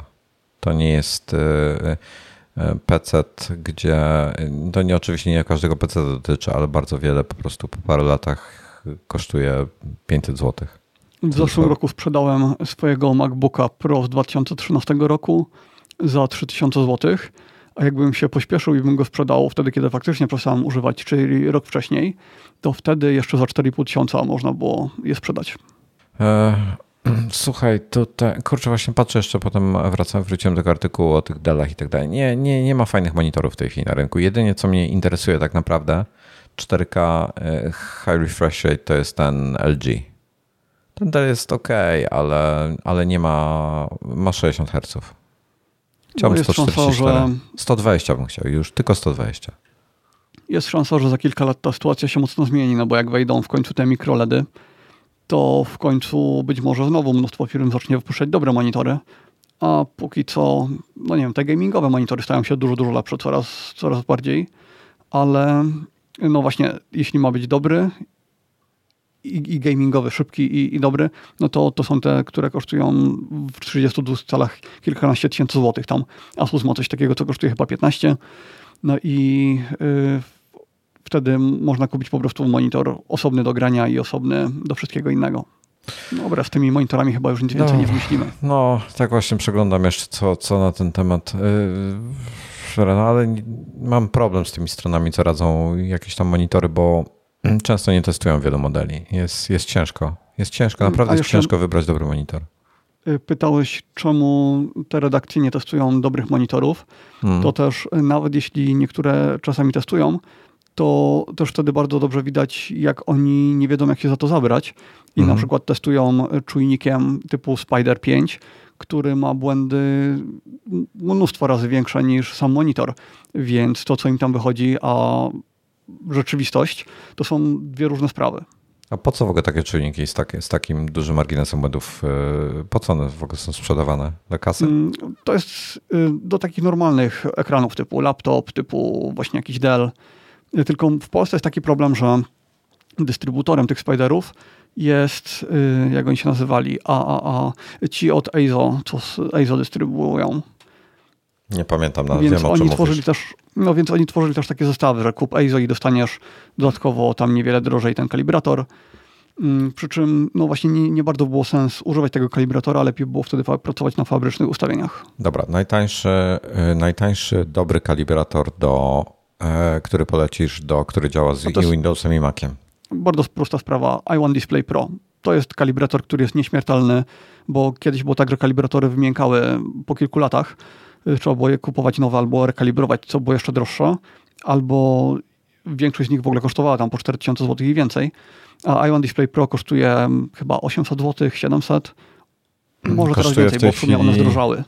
W tej chwili kosztuje 890 zł najtaniej w jakimś podejrzanym sklepie, którego nie znam. E, Dla przykładu w Fotoplusie, DC Foto, cyfrowe, y, Allegro, nie, Allegro nie, BX, to są ceny w rejonie 900-950 zł. I jest jeszcze wersja Pro Plus, która nie wiem czym się różni, ale kosztuje 1300. Y, Chyba tylko licencją, ale można kupić tą normalną i można też nie kupować, tylko pożyczyć 100 zł to kosztuje. I wtedy ma się chyba, nie wiem, na jeden dzień czy na kilka dni do, do użycia. A ile kosztuje wypożyczenie? Chyba 100 zł. No to to, to już Plus jest na tyle, pewnie. no to już jest na tyle duża kwota, że za, wiesz, za te 900 to nie wiem, czy nie lepiej kupić. No ale jeśli monitor jest porządny, to go kalibrujesz raz i na lata masz spokój. No niby tak. Jeśli to jest jakiś taki normalny monitor, no to nie, no to wtedy powiedzmy co rok, co dwa lata. Co rok, no. Dobra, e, wszedłem na, stronie, wszedłem na stronę X-Rite'a i mają dwie rodziny. Rodzinę i1, I- i1 i tutaj jest e, i1 Display Pro, i1 Display e, Pro Plus. I, ale nie ma porównania nigdzie. Mhm, zwykły Pro. Jest ok. No bo zawsze mnie ciekawi. I mają jeszcze rodzinę i1 Pro 3. Mhm. I nie wiem, No to są, się... jeśli chcesz, Aha, na przykład są- masz drukarkę są- i chcesz sobie dodatkowo Tak, tak, y, tak. Właśnie robić widzę. profil drukarki. Jest jeszcze i1 Studio.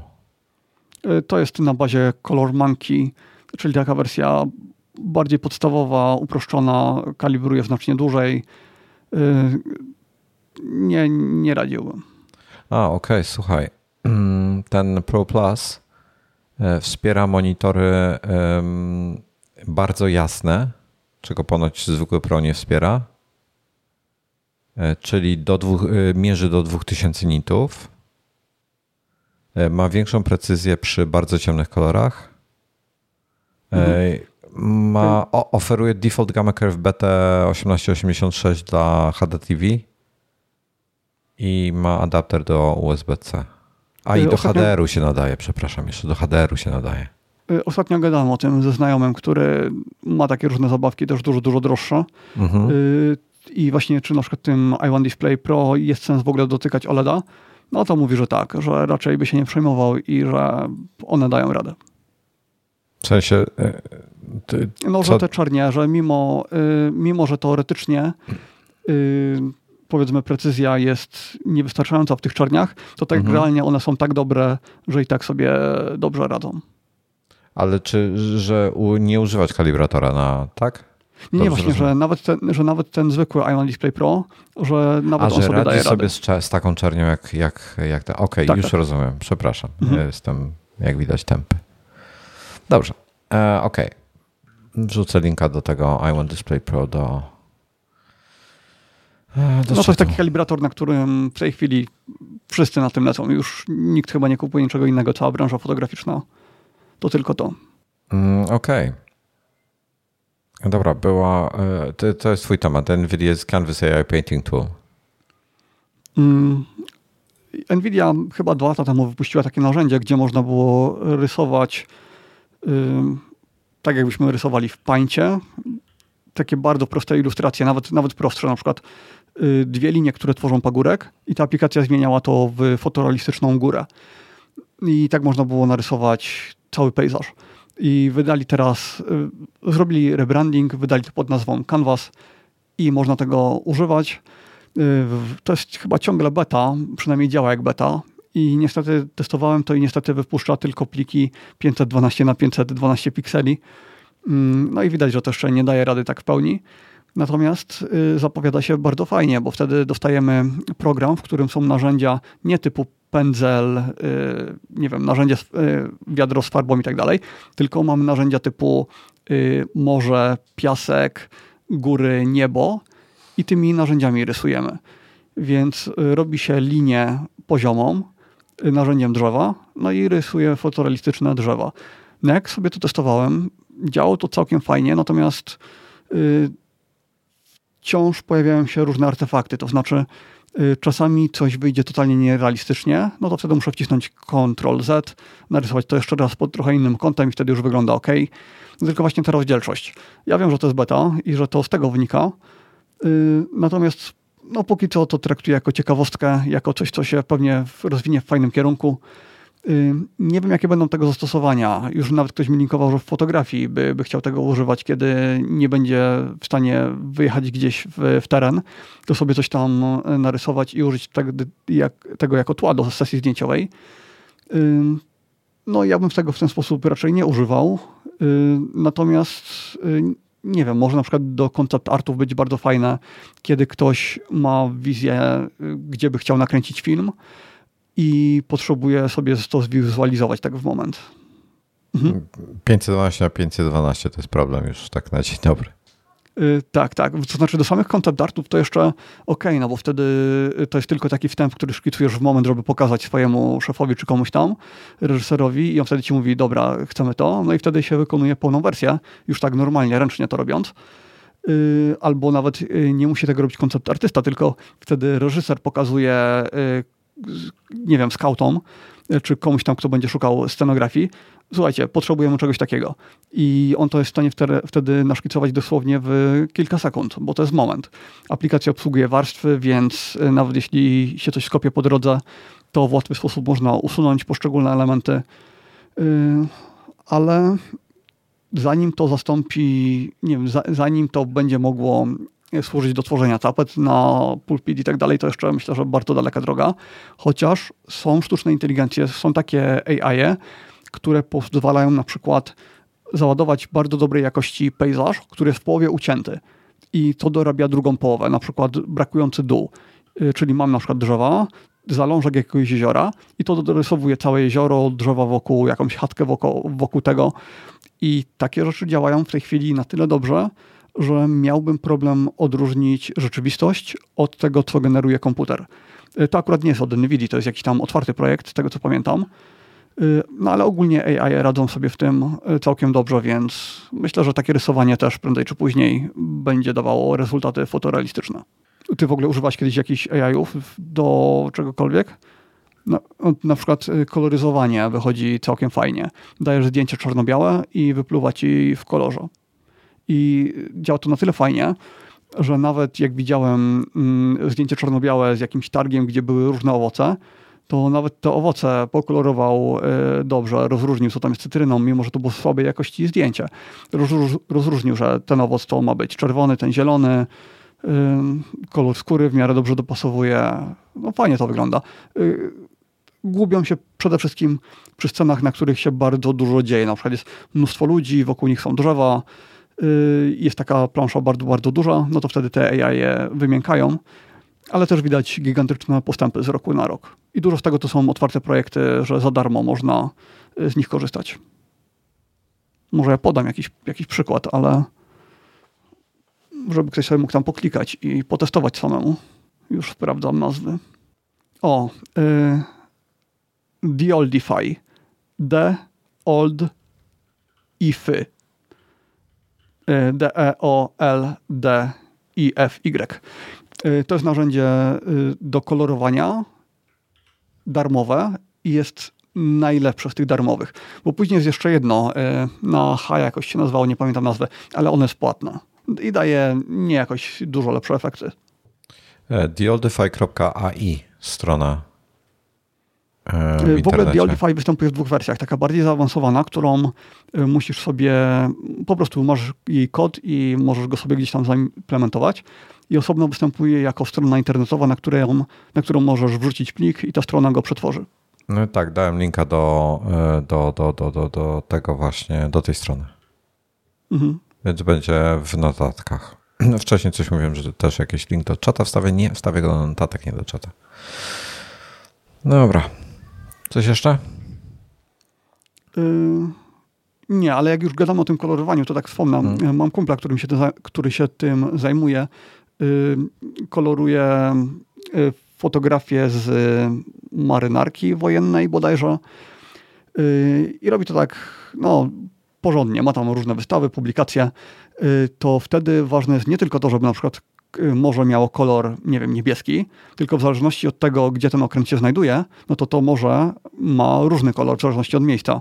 Więc on musi wiedzieć takie rzeczy, że skoro to było tutaj, no to znaczy, że ten kolor będzie taki bardziej, nie wiem, zielony, bardziej taki brudny, a jeśli był gdzieś indziej, no to wtedy bardziej lazurowy i tak dalej. I tego AI na razie nie, nie ogarnia i nie wiem, czy kiedykolwiek da radę. No, nie sądzę. No to kiedyś no, trzeba może. znać kontekst wtedy cały. Mhm. Mhm. E, ostatnio jest trochę afera. Kurde, powiem ci, że mam z tym problem. E, Apple, Apple odezwało się do różnych leakerów e, i osób, które leakerom na przykład rendery robią poprzez prawników i straszyli ich karami finansowymi. Szczególnie mhm. jednego Concept Renders, chyba jest taki gość na Twitterze, który robił dla Johna Prosera rendery i jego postraszyli on jest Duńczykiem, więc żyje w kraju e, cywilizowanym, jeśli chodzi o od strony prawnej i tak dalej. Ok, on nie jest dziennikarzem, ale jego straż, on stworzył, ktoś do niego przyszedł, dał mu informację na e, jaki by chciał, żeby stworzyć render i on stworzył na tej podstawie render. I Apple e, postraszyło go przez kancelarię prawną, że wlepią mu karę finansową nie za bardzo wiem, ja, o co chodzi, jakim cudem Apple może komuś wlepić karę finansową, bo nie ma takich, mhm. takiego prawa w żadnym wypadku. E, więc e, jedyną drogę, jaką mają w tym względzie, to jest sądowa. Więc nie mam pojęcia, o co tam chodziło dokładnie, ale to był jakiś totalny bullshit. E, natomiast bullshitem nie jest to, że powysyłali im pisma od prawników i uważam, dobra, rozumiem o co chodzi, ale to jest zły kierunek. Jeżeli oni nie chcą wycieków, to niech nie straszą likerów, tylko kurde i Kanga z Chin postraszyli e, i gość powiedział, że, e, że ograniczy swoje likowanie. To jest ale ten, ma 97% skuteczności, To jest ten, tak? co ma 97%. Najgorsze jest to, że gość jest w Chinach i mogę się założyć, że jak Apple poszło do władz chińskich w tej sprawie, mhm. to gość może trafić do jakiegoś łagru albo do jakiegoś, wiesz, no... Tak. I, I to jest dla mnie skandal totalny, że oni w ogóle w ten sposób, że w ogóle pomyśleli o tym, żeby za takim kangiem e, ganiać. Jeżeli oni chcą więcej prywatności i nie chcą, żeby te rzeczy wyciekały, to niech ogarną swoje procedury bezpieczeństwa lepiej. No to już jest desperacja. Zrobili wszystko, co byli w stanie i nie mają pomysłu, co dalej. Chociaż w sumie mają pomysł, no bo te kamery policyjne instalowane u pracowników ostatnio, to jest Apple'a pomysł, prawda? Tak, te bodycamy, to co policjanci w Stanach mhm. mają na przykład, to, to y, nie wiem, dla mnie to jest, to jest wiesz co, okej, okay, niech sobie, dziennikarze nie mogą, wiesz, ganiać za bardzo, bo, jest chronione przez prawo prasowe. E, mhm. I, I tak dalej, czy tam zależy od kraju, ale no w każdym razie ma jakąś, ma jakąś tam ochronę, tak? Czy konstytucyjną, czy, czy prawną, czy e, nieważne. Nie wiem dlaczego za tym gościem, co rendery robił, e, poszli, e, po, poganiali go. Tego nie rozumiem. Tak, no bo to było po prostu zlecenie dla osoby, tak, która To jest dla niego e, miała zlecenie. Dokładnie, więc generalnie mm, jak, to, jak ja wtedy to mówiłem, uniwersalny znak pokoju. Natomiast wiesz, to czy tak, problem bo, y z takimi sprawami sądowymi, z takim Applem jest taki, że jest te, dla tego Duńczyka jest taki, że on prawdopodobnie nie jest milionerem, i mhm. sprawa sądowa Apple będzie go kosztowała fortunę i niestety on zbankrutuje wcześniej niż Apple. Tak. A jeśli mam zdjęcia z jakichś przecieków, no to mogę je wysłać komukolwiek, nawet nie mówiąc o tym, że to są zdjęcia z przecieków.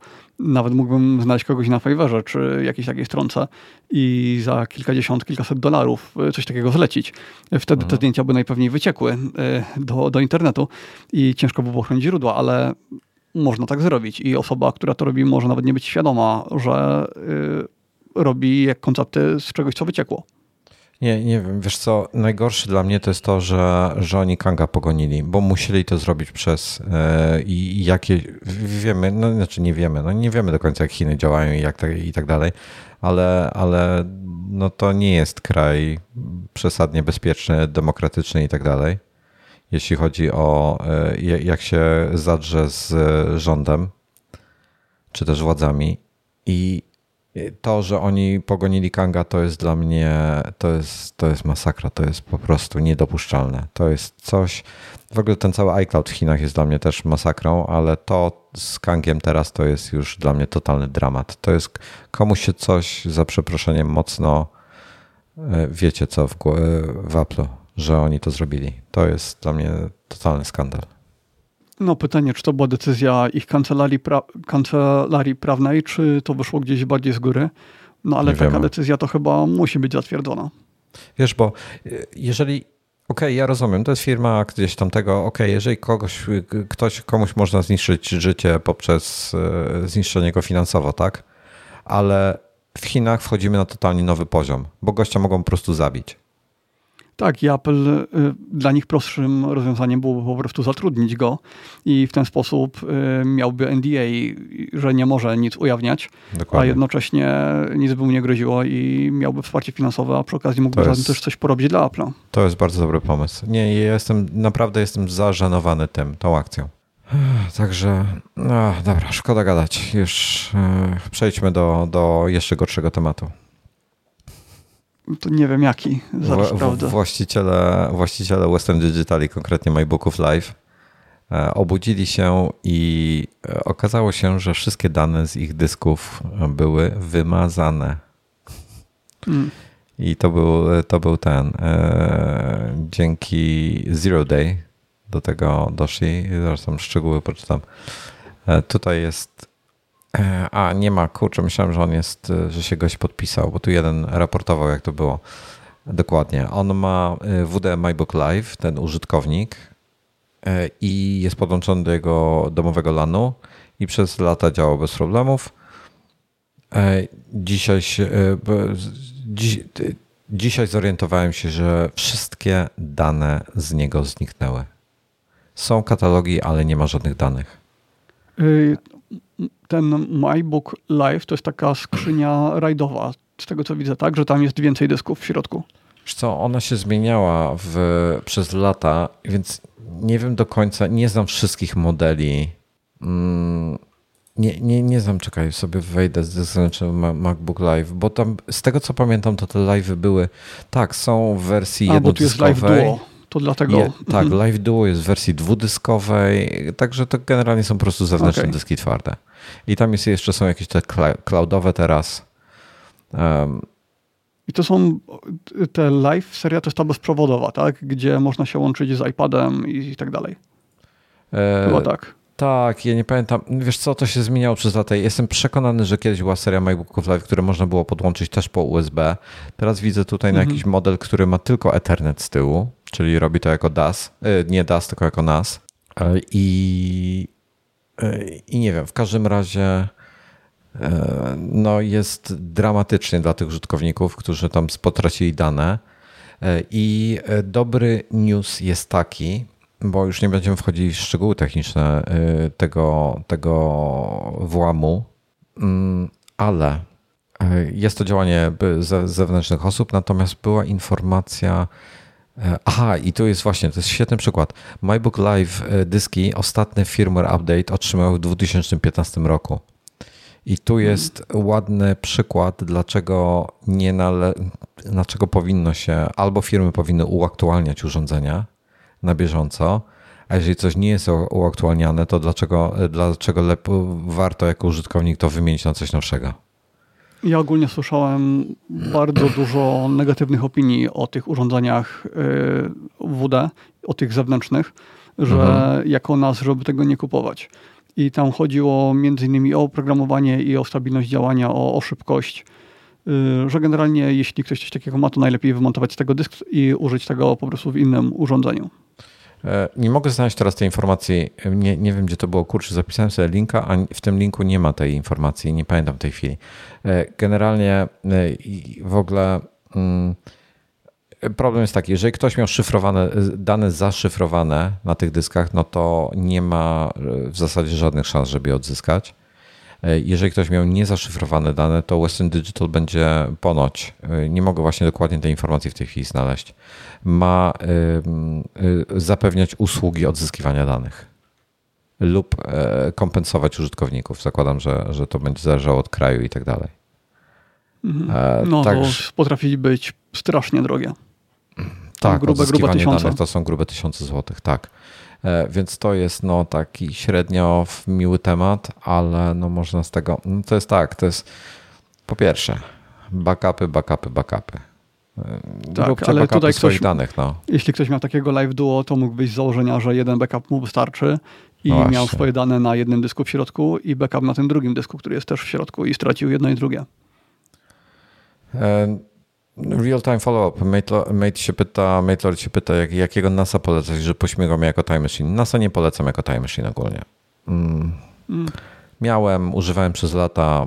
Ja mam, ja mam dalej tego. Ja Kunapa akurat mam czterodyskowego. Ja e, też. Wszystko zależy. Na Lepiej jest. Ja w tej chwili mam wewnętrzny dysk twardy, który robi mi za Time Machine po prostu. Mam w komputerze Ostatecznie włożone. też tak zrobiłem. Dużo eksperymentowałem z tymi Time Machine na nasie. Na początku w ogóle to było takie mocno naokoło, bo Apple y, nie udostępniało specyfikacji tego Time Machine mhm. i wszyscy to musieli rozgryzać po swojemu. I to wtedy różne problemy sprawiało. Jednych działało, u innych nie. Y, u mnie bardzo różnie. Wiesz co? I finalnie ba z tym zewnętrznym, bo jeszcze kiedyś miałem dużo problemów też na zewnętrznych dyskach twardych, natomiast finalnie mi się te problemy skończyły i na ostatnich wersjach macOSa już jest ok na mhm. zewnętrznych mhm. dyskach. Y, jest problem z NASami ogólnie jako Time Machine, czy to Time Machine, y, ten, ten Time Capsule od Apple'a i tak dalej. Problem z tym jest taki nawet nie to, że one są wolne przy robieniu backupu. Problem jest to, jakie one są wolne podczas odzyskiwania danych. Na przykład jak ja próbowałem kiedyś przetestować odzyskiwanie danych e, z mojego Kunapa, e, to to było tak wolne, że to był moment, w którym zdecydowałem się przenieść e, Time Machine na, na, na dysk po prostu fizycznie podłączony do komputera. Mhm. mhm. Także nie wiem, temat backupów jest bardzo szeroki. Zrobimy na ten temat odcinek, bo wszystko też zależy od tego, wiesz, ja mam miejsce w komputerze, żeby zamontować sobie dysk. Ktoś może mieć MacBooka i niewygodnie jest wpinać, ale możesz sobie w tym momencie e, mieć na przykład, nie wiem, fajnym pomysłem jest kupić sobie Maca Mini, nawet w podstawowej konfiguracji, zupełnie podstawowej, podpiąć do niego fizycznie po USB jakiś dysk zewnętrzny i niech on sobie gdzieś stoi. Po pierwsze będzie robił jako serwer plików, może robić jako Plex, może robić jako wiele innych rzeczy.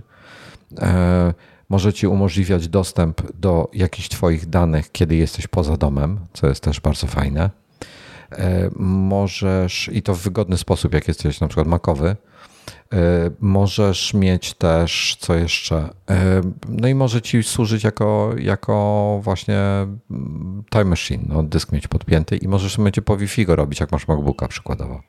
Ale też do wielu routerów da się wpiąć dysk na USB i udostępniać go sobie przez sieć. No i wtedy w razie, kiedy będzie trzeba przywrócić dane, to się go wepnie po USB, żeby było szybciej. A Nie na co dzień ma się jeden nigdy, dysk. Ale to jest ciekawy pomysł.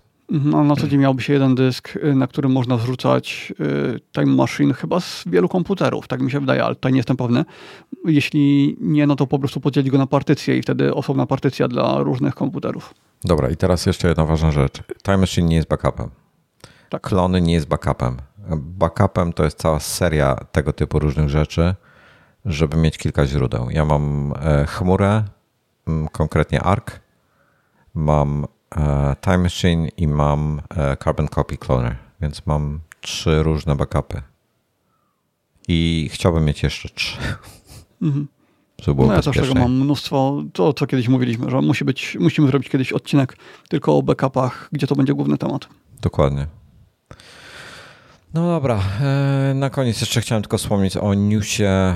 E, Są, Apple wydało Apple Watch International Collection Bands and Faces. To, są, to jest limitowana kolekcja pasków różnych e, krajów, znaczy przedstawiające e, 22 kraje w sumie. I Polski nie, nie ma. Kurde, tak naiwnie, jak, jak zobaczyłem newsa, naiwnie patrzyłem. Jest artykuł na pokazujący wszystkie tarcze. I to jest komplet tarcz i pasków. Paski to są sport lupy, czyli to są te takie rzepowe, e, sportowe paski. Ja nie lubię tych pasków. Mam jeden, jedną sztukę taką, nie przypadł mi do gustu i z tego powodu nie kupuję. E, Taki ale- jak ja mam na sobie, E, daj mi spojrzeć. taki materiałowy nożep. Tak, tak, tak, dokładnie. No, A to ja bardzo lubię. Ja, ja nie lubię. E, Są, nie, ja nie lubię. E, Ja wolę te, te, te, te o te, Silikonowo, gumowo, jakieś tam. te, te zwykłe. Bardzo mnie kusi ten pride'owy e, solo, solo, wiesz który, ten co nie ma zapięcia żadnego, taki rozciągany Mm, jest, ten z tak, tych tak. nowych. Tylko, Mhm. Kurde, 450 zł. Mam taki problem, żeby wydać 450 zł na pasek do zegarka. No jest to dużo, tak. E, Polacy... że to nie jest bransoleta, nic takiego, tylko najprostsza konstrukcja, jaką sobie można wyobrazić. Tak, jeśli, jeśli szukacie koniecznie polskiej inspiracji, to możecie się zainteresować duńskim, japońskim i kanadyjskim e, paskiem, bo jest, są biało-czerwone w różnych kombinacjach i tarcze i paski. Mi osobiście się chyba najbardziej podoba e, ten, który jest pomarańczowo-granatowy e, z białym. Mm, To jest, to chyba zakładam, że to jest holenderski. Mnie się o takie rzeczy nie pytaj. No, w każdym razie ty jesteś słaby z flag świata, rozumiem. No, mało powiedziane, tak. Brazylia jest całkiem ciekawa, jest Hiszpania jest fajna, jest parę fajnych tych, tych e, kombinacji. Ja myślę, że warto na to spojrzeć mniej nacjonalistycznie, tylko po prostu sobie coś fajnego kolorystycznie wybrać. E, Ja bym pewnie ten pomarańczowy pasek wziął, gdybym chciał mieć tego typu pasek, a gdyby był sport lupy czy coś, jakiejś takiej fajnej, fa, fajnej właśnie aranżacji do, do tego dostosowane, to pewnie bym na coś się skusił, a tak Ale- to nie biorę niczego. Jak to działa? To znaczy, y, kupujesz pasek i wtedy dopiero masz odblokowaną tarczę, która do niego pasuje? Kupujesz pasek i masz w, nie wiem w jaki sposób, oni napisali, że przez app możesz sobie, ta tarcza cię instaluje, czyli przez iPhone'a jakby pobierasz tą tarczę. Nie wiem, czy, y, czy y, jak to dokładnie będzie działało. Natomiast jest, wchodzi się po prostu na y, apple.com i tam jest sekcja odpowiednia apple.com slash watch, czyli tam gdzie... Zastanawia mnie, czy każdy tam, to gdzie może zegarki. zainstalować, czy na przykład trzeba wykonać jakąś operację typu zeskanować QR kod i wtedy jest przyspisywana do twojego konta, czy coś takiego. No to te app clips to są te takie e, te aplikacje, co działają takie, wiesz, bez No na instalowania. QR kod. E, Oni Że chyba przyko- tam znaczy, zakładam, że że przykładasz telefon, nie, nie QR kod, ty chyba tylko przykładasz zbliżeniowo, tak? tak, tak, tak, więc ja zakładam, Mhm. że to w ten sposób będzie e, działa, E, ale nie mam pewności, nie widziałem jeszcze tego w działaniu, nie, nie mam pewności co do tego. Mhm. To ciekawe No. wtedy, czy jeśli ktoś, nie wiem, dasz kumplowi, to czy on też będzie mógł, czy to już będzie zablokowane wtedy? Nie, te tarcze są dostępne na www normalnie, więc zakładam, że każdy może wejść, tylko trzeba wejść z iPhone'a. Okej. Okej. No, o, Braided Solo Loop, tak się nazywa ta tarcza. 99 dolarów kosztuje tylko jest dostępna, jest świetna, kolorystyczna, taka fajna, kurde, taka, taka po prostu inna od tych wszystkich pozostałych modeli i strasznie mi się podoba, chciałbym mieć, ale kurde, 450 zł. Strasznie dużo pieniędzy za, za tego typu pasek. No ja tylko za bransoletę dałem dużo, ale to też był jakiś zamiennik, a pozostałe to kupuję te tanie. No. No w każdym razie przypominam, limitowana edycja, więc kiedyś się skończy. Także jak chcecie, to warto się zainteresować teraz. No i tak patrzę jeszcze, co jest fajnego nowego, ale, ale to, co jest, to, co było fajnego nowego, to, to już nabyłem. Dobrze pokazałem? Dobrze pokazałem. No dobra. Nie, przez AppClips nie schakujesz niczego. Czyli co, to był nasz ostatni temat. To był nasz ostatni temat na dzisiaj. Dziękujemy wszystkim bardzo za towarzystwo. E, Zapraszam jak zwykle do subskrybowania, śledzenia, łapek w górę, łapek w dół, co tam sobie życzycie, co tam chcecie. E, Klementyna podpowiada, że Japonia lub Kanada. Ja bym się wybrał do Japonii teraz. Zamiast paska, pasek kupować, tak? Dla fanu. Pozwiedzać. No i co? I dziękujemy bardzo wszystkim. Do zobaczenia. Dziękujemy, do usłyszenia. Cześć.